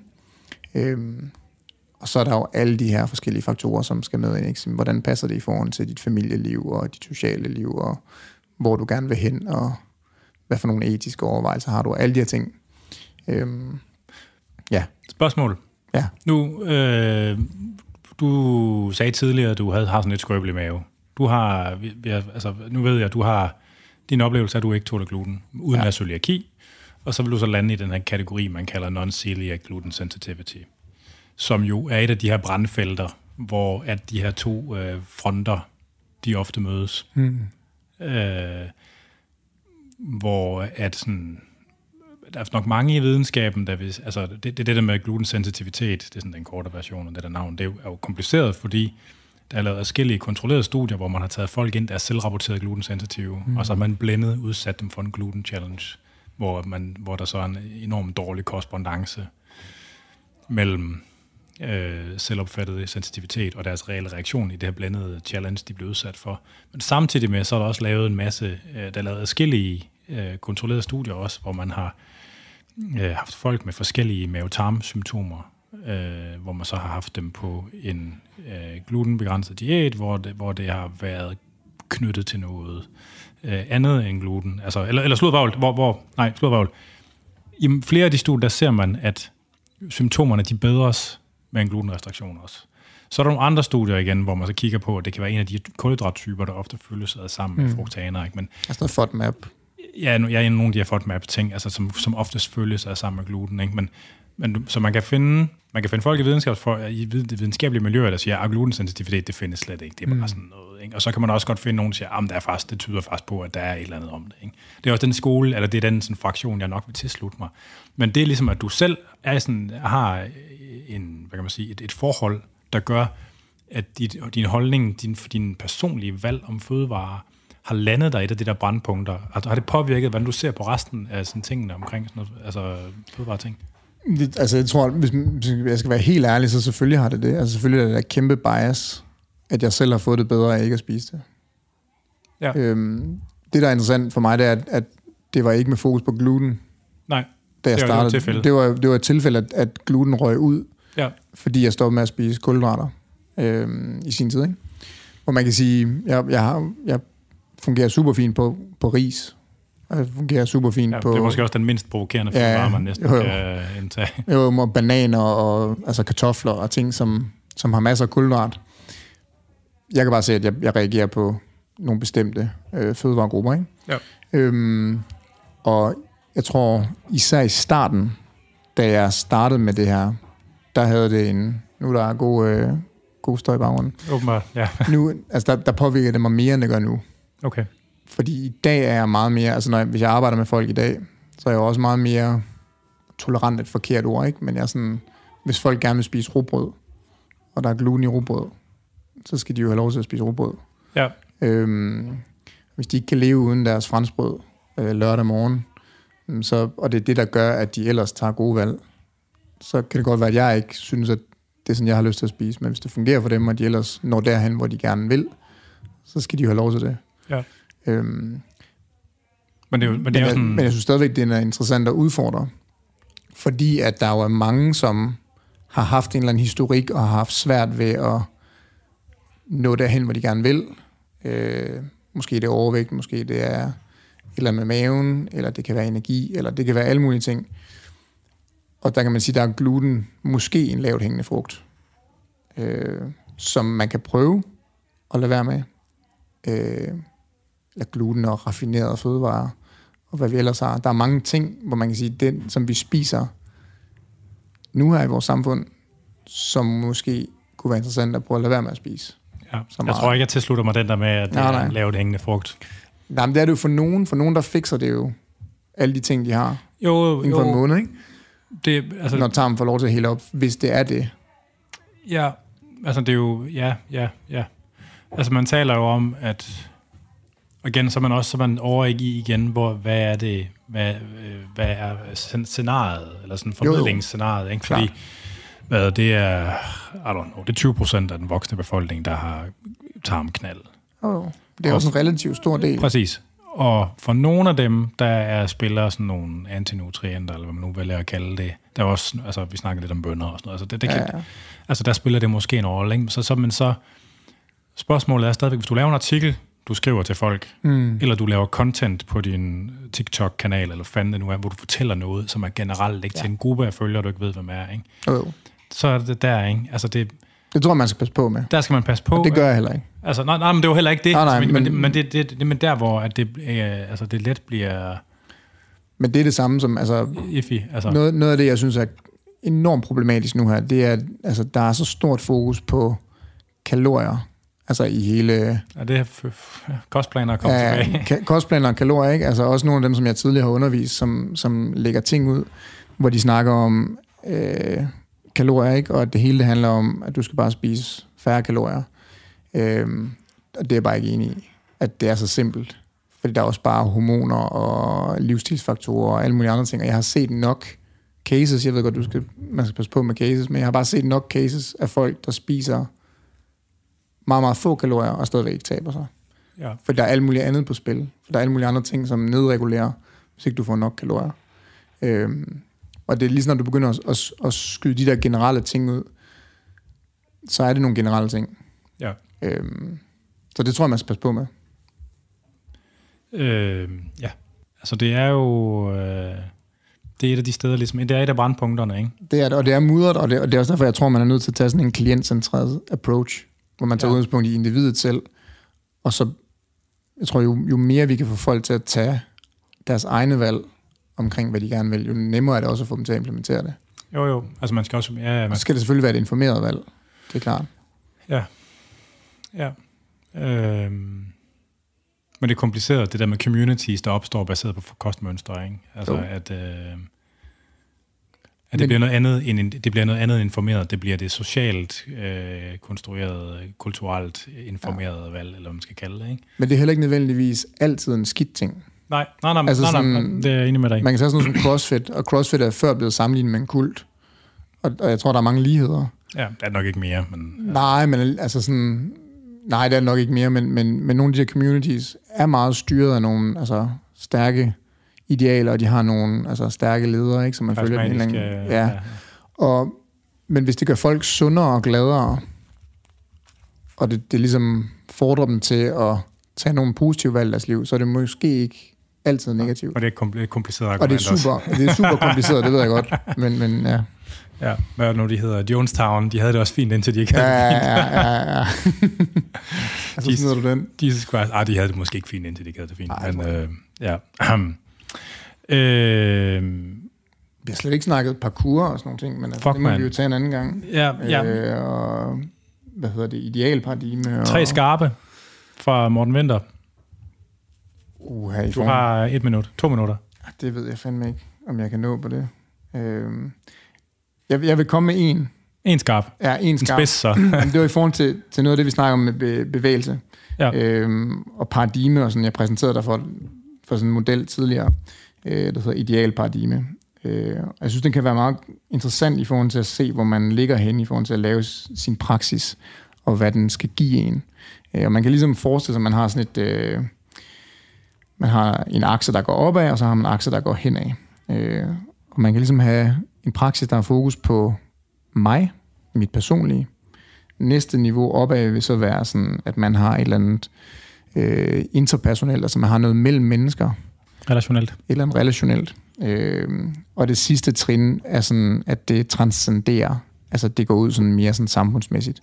At min praksis har et større formål end bare at gøre noget godt for mig, og gøre noget godt for mig og den nære relation, jeg har, men har et eller andet sådan samfundsmæssigt. Øhm, og så kan man dele den op sådan henad og sige, der er en eller anden form for restaurativ praksis, der er en eller anden form for militær eller martial, altså det her selvforsvar, vi snakkede om tidligere, eller Ja. det at håndtere ud fra kommende aggression. Og så er der det sidste vil være sådan en, det sidste felt vil være sådan pædagogisk, altså sådan noget sport og kreativt udtryk, dans, håndstand for eksempel, vil jeg lægge der. Ikke? Den har ikke rigtig nogen funktionel værdi ellers, men det kan være flot. Og, ja. og, og, og afhængig af, hvor man ligger hen i det der, altså sådan, der hvor jeg ligesom prøver at ligge, øh, også når jeg formidler det, er at prøve at have en eller anden form for balance i de der ting. Ja. Øhm, sådan så det ikke, fordi man kan hurtigt kun ryge over i at lave restaurative ting, ikke? Nu taler vi om dig selv. Ja, men også når jeg underviser. Okay. Og når jeg sådan, hvis, jeg, hvis jeg sådan skulle prøve at Så lave... du har et dannelsesbegreb, du Ja. lidt projicerer. Ja, jeg projicerer ja. lidt, ikke? Ja, altså det må man også gerne. Ja, men det gør jeg. Altså, jeg har ikke lavet den, den der metode endnu, der skal, der skal gøre mig kendt, vel? Men, øh, men jeg kan jo bare se, at sådan, hvis man ligger kun i det restaurative, eller kun i det competitive, Og restaurativ som i noget, der ligesom skal gøre en sundere og raskere. ja, og, altså sådan skadesforbyggende, Ja, ja. og hvis man sådan tager den ekstreme, ikke, så er det den der restaurative yoga, hvor ting ikke må gå hurtigt, og man må helst ikke blive stærk, man skal bare ligge pøllet op. Altså kropslig selvforbedring. Ja. Ja. Hvor jeg, når jeg tænker restaurativ, så tænker jeg lige så meget styrketræning. Ja. Med, altså, uden at det bliver kompetitivt. Ja. Øhm, Jeg sørger for, at man ikke kan gå i stykker af det andet, man laver. Ja, Ja. ja. præcis. Øh, og den anden, hvor den tilter over, det er, hvis det er sådan ren konkurrence og ren sport. Ikke? Øh, så, så, så tilter det her paradigme, og så begynder der at være skævheder i det. Øh, ja. Og jeg tror, der Og hvad sker der, hvis det bliver skævt? skævt? Jamen, Andet, end, andet end det ikke passer ind i dannelsesbegrebet. passer det ikke ind i endelsesbegrebet. Nej, men så, så hvis det tilter over imod den der meget selvsmagende, det er meget centreret omkring mig og mine præstationer, og at jeg skal vinde for enhver pris, så begynder vi at se bort fra fællesskabet og det store hele, og at vi har en positiv effekt på andre og det samfund, vi lever i. Altså man bliver et røvhul, eller man bliver Ja. skadet, eller... Man bliver røvhul. eller okay. Og det er jo det, der er faren ved det, ikke? Ja. Det siger ikke, det altid sker. Men, Nej. men det er heller ikke min model, men jeg synes, den, det var en interessant model at snakke om i forhold til det her med bevægelseskultur. Øh, hvor jeg, fordi jeg tænker, at, at det er noget af det, som movement culture, eller physical culture, nok i virkeligheden mere. Men i virkeligheden så findes det jo i alle bevægelseskulturer. Ja, ja. Det findes også i styrke, der findes også i vægtløftning, og i folkegymnastik, og svømning, og sådan noget. Spørgsmålet er, hvor meget de snakker om det, Ja, ja, ja. og dykker ned i det. Og jeg tror, det er sundt at tale om. Ja, Altså, og det tror jeg, det er en meget god pointe, at man ikke taler om det. ja, Altså, og det er jo så, de vil jo den der, sådan en model som den der, så vil de jo ofte være skævbredet på en eller anden måde. Ikke? ja. Altså nu, vi har ham der eksempel med ham, der er svømmetræneren, ikke? Som, øh, hvor de havde offentlige afklædte vejninger og sådan noget, og så svinede man øh, damerne til, hvis de ikke havde tabt sig nok, eller bare taget et halvt kilo på. Ikke? Jo. Det er jo et eksempel på, Jo. hvad der sker, når det tipper. Ja. Og jeg tror, jeg tror det er det er heller ikke, fordi der er noget nødvendigvis, som er rigtigt og forkert. Men, men det er meget godt at have en bevidsthed omkring, hvor man ligger henne, Ja. og hvad man stiler efter. Jeg tror mere, det er der, jeg ligesom er, øh, hvad siger sådan, for mig i hvert fald personligt, kan jeg godt lide at have en balance i alt det der. Ja. Øhm, fordi jeg føler, at det bringer mig et sted hen, hvor jeg er empowered på alle mulige måder. Ja. Øhm, jeg kan tage vare på mig selv, jeg kan tage vare på andre, jeg kan være til nytte, hvis jeg skal bære noget for mine forældre, Når zombierne kommer. når zombierne kommer, øh, og jeg ved nogenlunde, hvordan jeg skal passe på mig selv. Ikke? Øhm, Ja. Og det er jo sådan noget, jeg gerne vil give videre også, øh, i, i den måde, jeg formidler på. Ja. Next up, øh, lange vandreture i vildmarken og bueskydning. Ja, kom med på mande retreat. ja. Nej, Nå, men det, er jo, det ligger jo lige ved siden af. Det er lige ved siden af, ikke? Du kan godt mærke, Ja. det grænser op til. oh, jo. Det er lige ved siden af. Jo. Og det er jo også, det er meget sjovt også. Øh, jamen, det vil jeg lade være. Det var nogle fine... Øh, Jeg kan slutte med det der citat, jeg fortalte dig. Ja, ja, Er, er det ikke meget godt? Jo. Med, jeg læste et citat her i, øh, i morges, da jeg sad og, øh, og skulle prøve at huske nogle af alle de her navne her øh, fra, øh, fra Plato.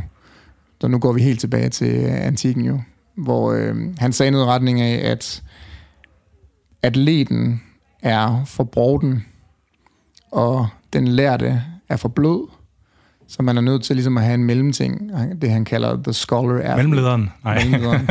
Ja. sorry. Ja. I ruined your moment. ja, det er fint. Det er fint. Jeg havde ikke, jeg havde ikke forventet andet, Anders. Nej, nej, sorry. Så, men altså, øh, så det der med at have balancen af, at vi er atletiske, men vi også kan reflektere over det, vi laver. Ja. Det tror jeg er, øh, ja, hvis jeg skal slutte på noget. Ja, og så i øvrigt, jeg må, må, må, altså, nu hvor jeg sidder og var djævelens advokat, jeg har jo sygt mange af sådan nogle dannelsesidealer selv. Ja, ja. Altså omkring det der, og mange af dem flugter også med det der. Altså jeg er jo, jeg er jo i lang vid udstrækning så er enig, men jeg har også sådan, at det krasser bare også ind i min sjæl. Jamen, det gør det også i min. Hvis, Altså du, havde sådan- siddet med, hvis ja, du ja. havde sagt det, som jeg har siddet og sagt, så ville jeg jo Ja, også udfordre så dig. Det, ah, altså, ja, så sådan er det. Øh, fuld navn, og hvor følger man dig? Morten Winter øh, med enkelt VRTH, og øh, jeg har en øh, hjemmeside, der hedder mortenvinter.dk, og det hedder jeg også på Instagram og Facebook. Ja, fedt. Tak. Fordi Tak du fordi jeg måtte komme. og øh, god weekend, i lige måde. når du kommer dertil. Øh, det var dagens afsnit af Fitness MK. Jeg hedder Anders Nedergaard, og du kan lytte med til den her og de andre afsnit af Fitness MK på stream og podcast. Det kan streames inden for andersnedergaard.dk eller fra Spreaker, og du kan podcasten fra iTunes og Google og alle de andre podcasttjenester. De gamle afsnit af Fitness MK, de kan stadigvæk findes. De ligger på Podimo på den gratis afdeling. Og øh, programmet er produceret af Jonas Pedersen. Og hvis man vil skrive ind med kommentarer, forslag eller spørgsmål, så er det afn eller på vores Instagram eller Facebook-sider.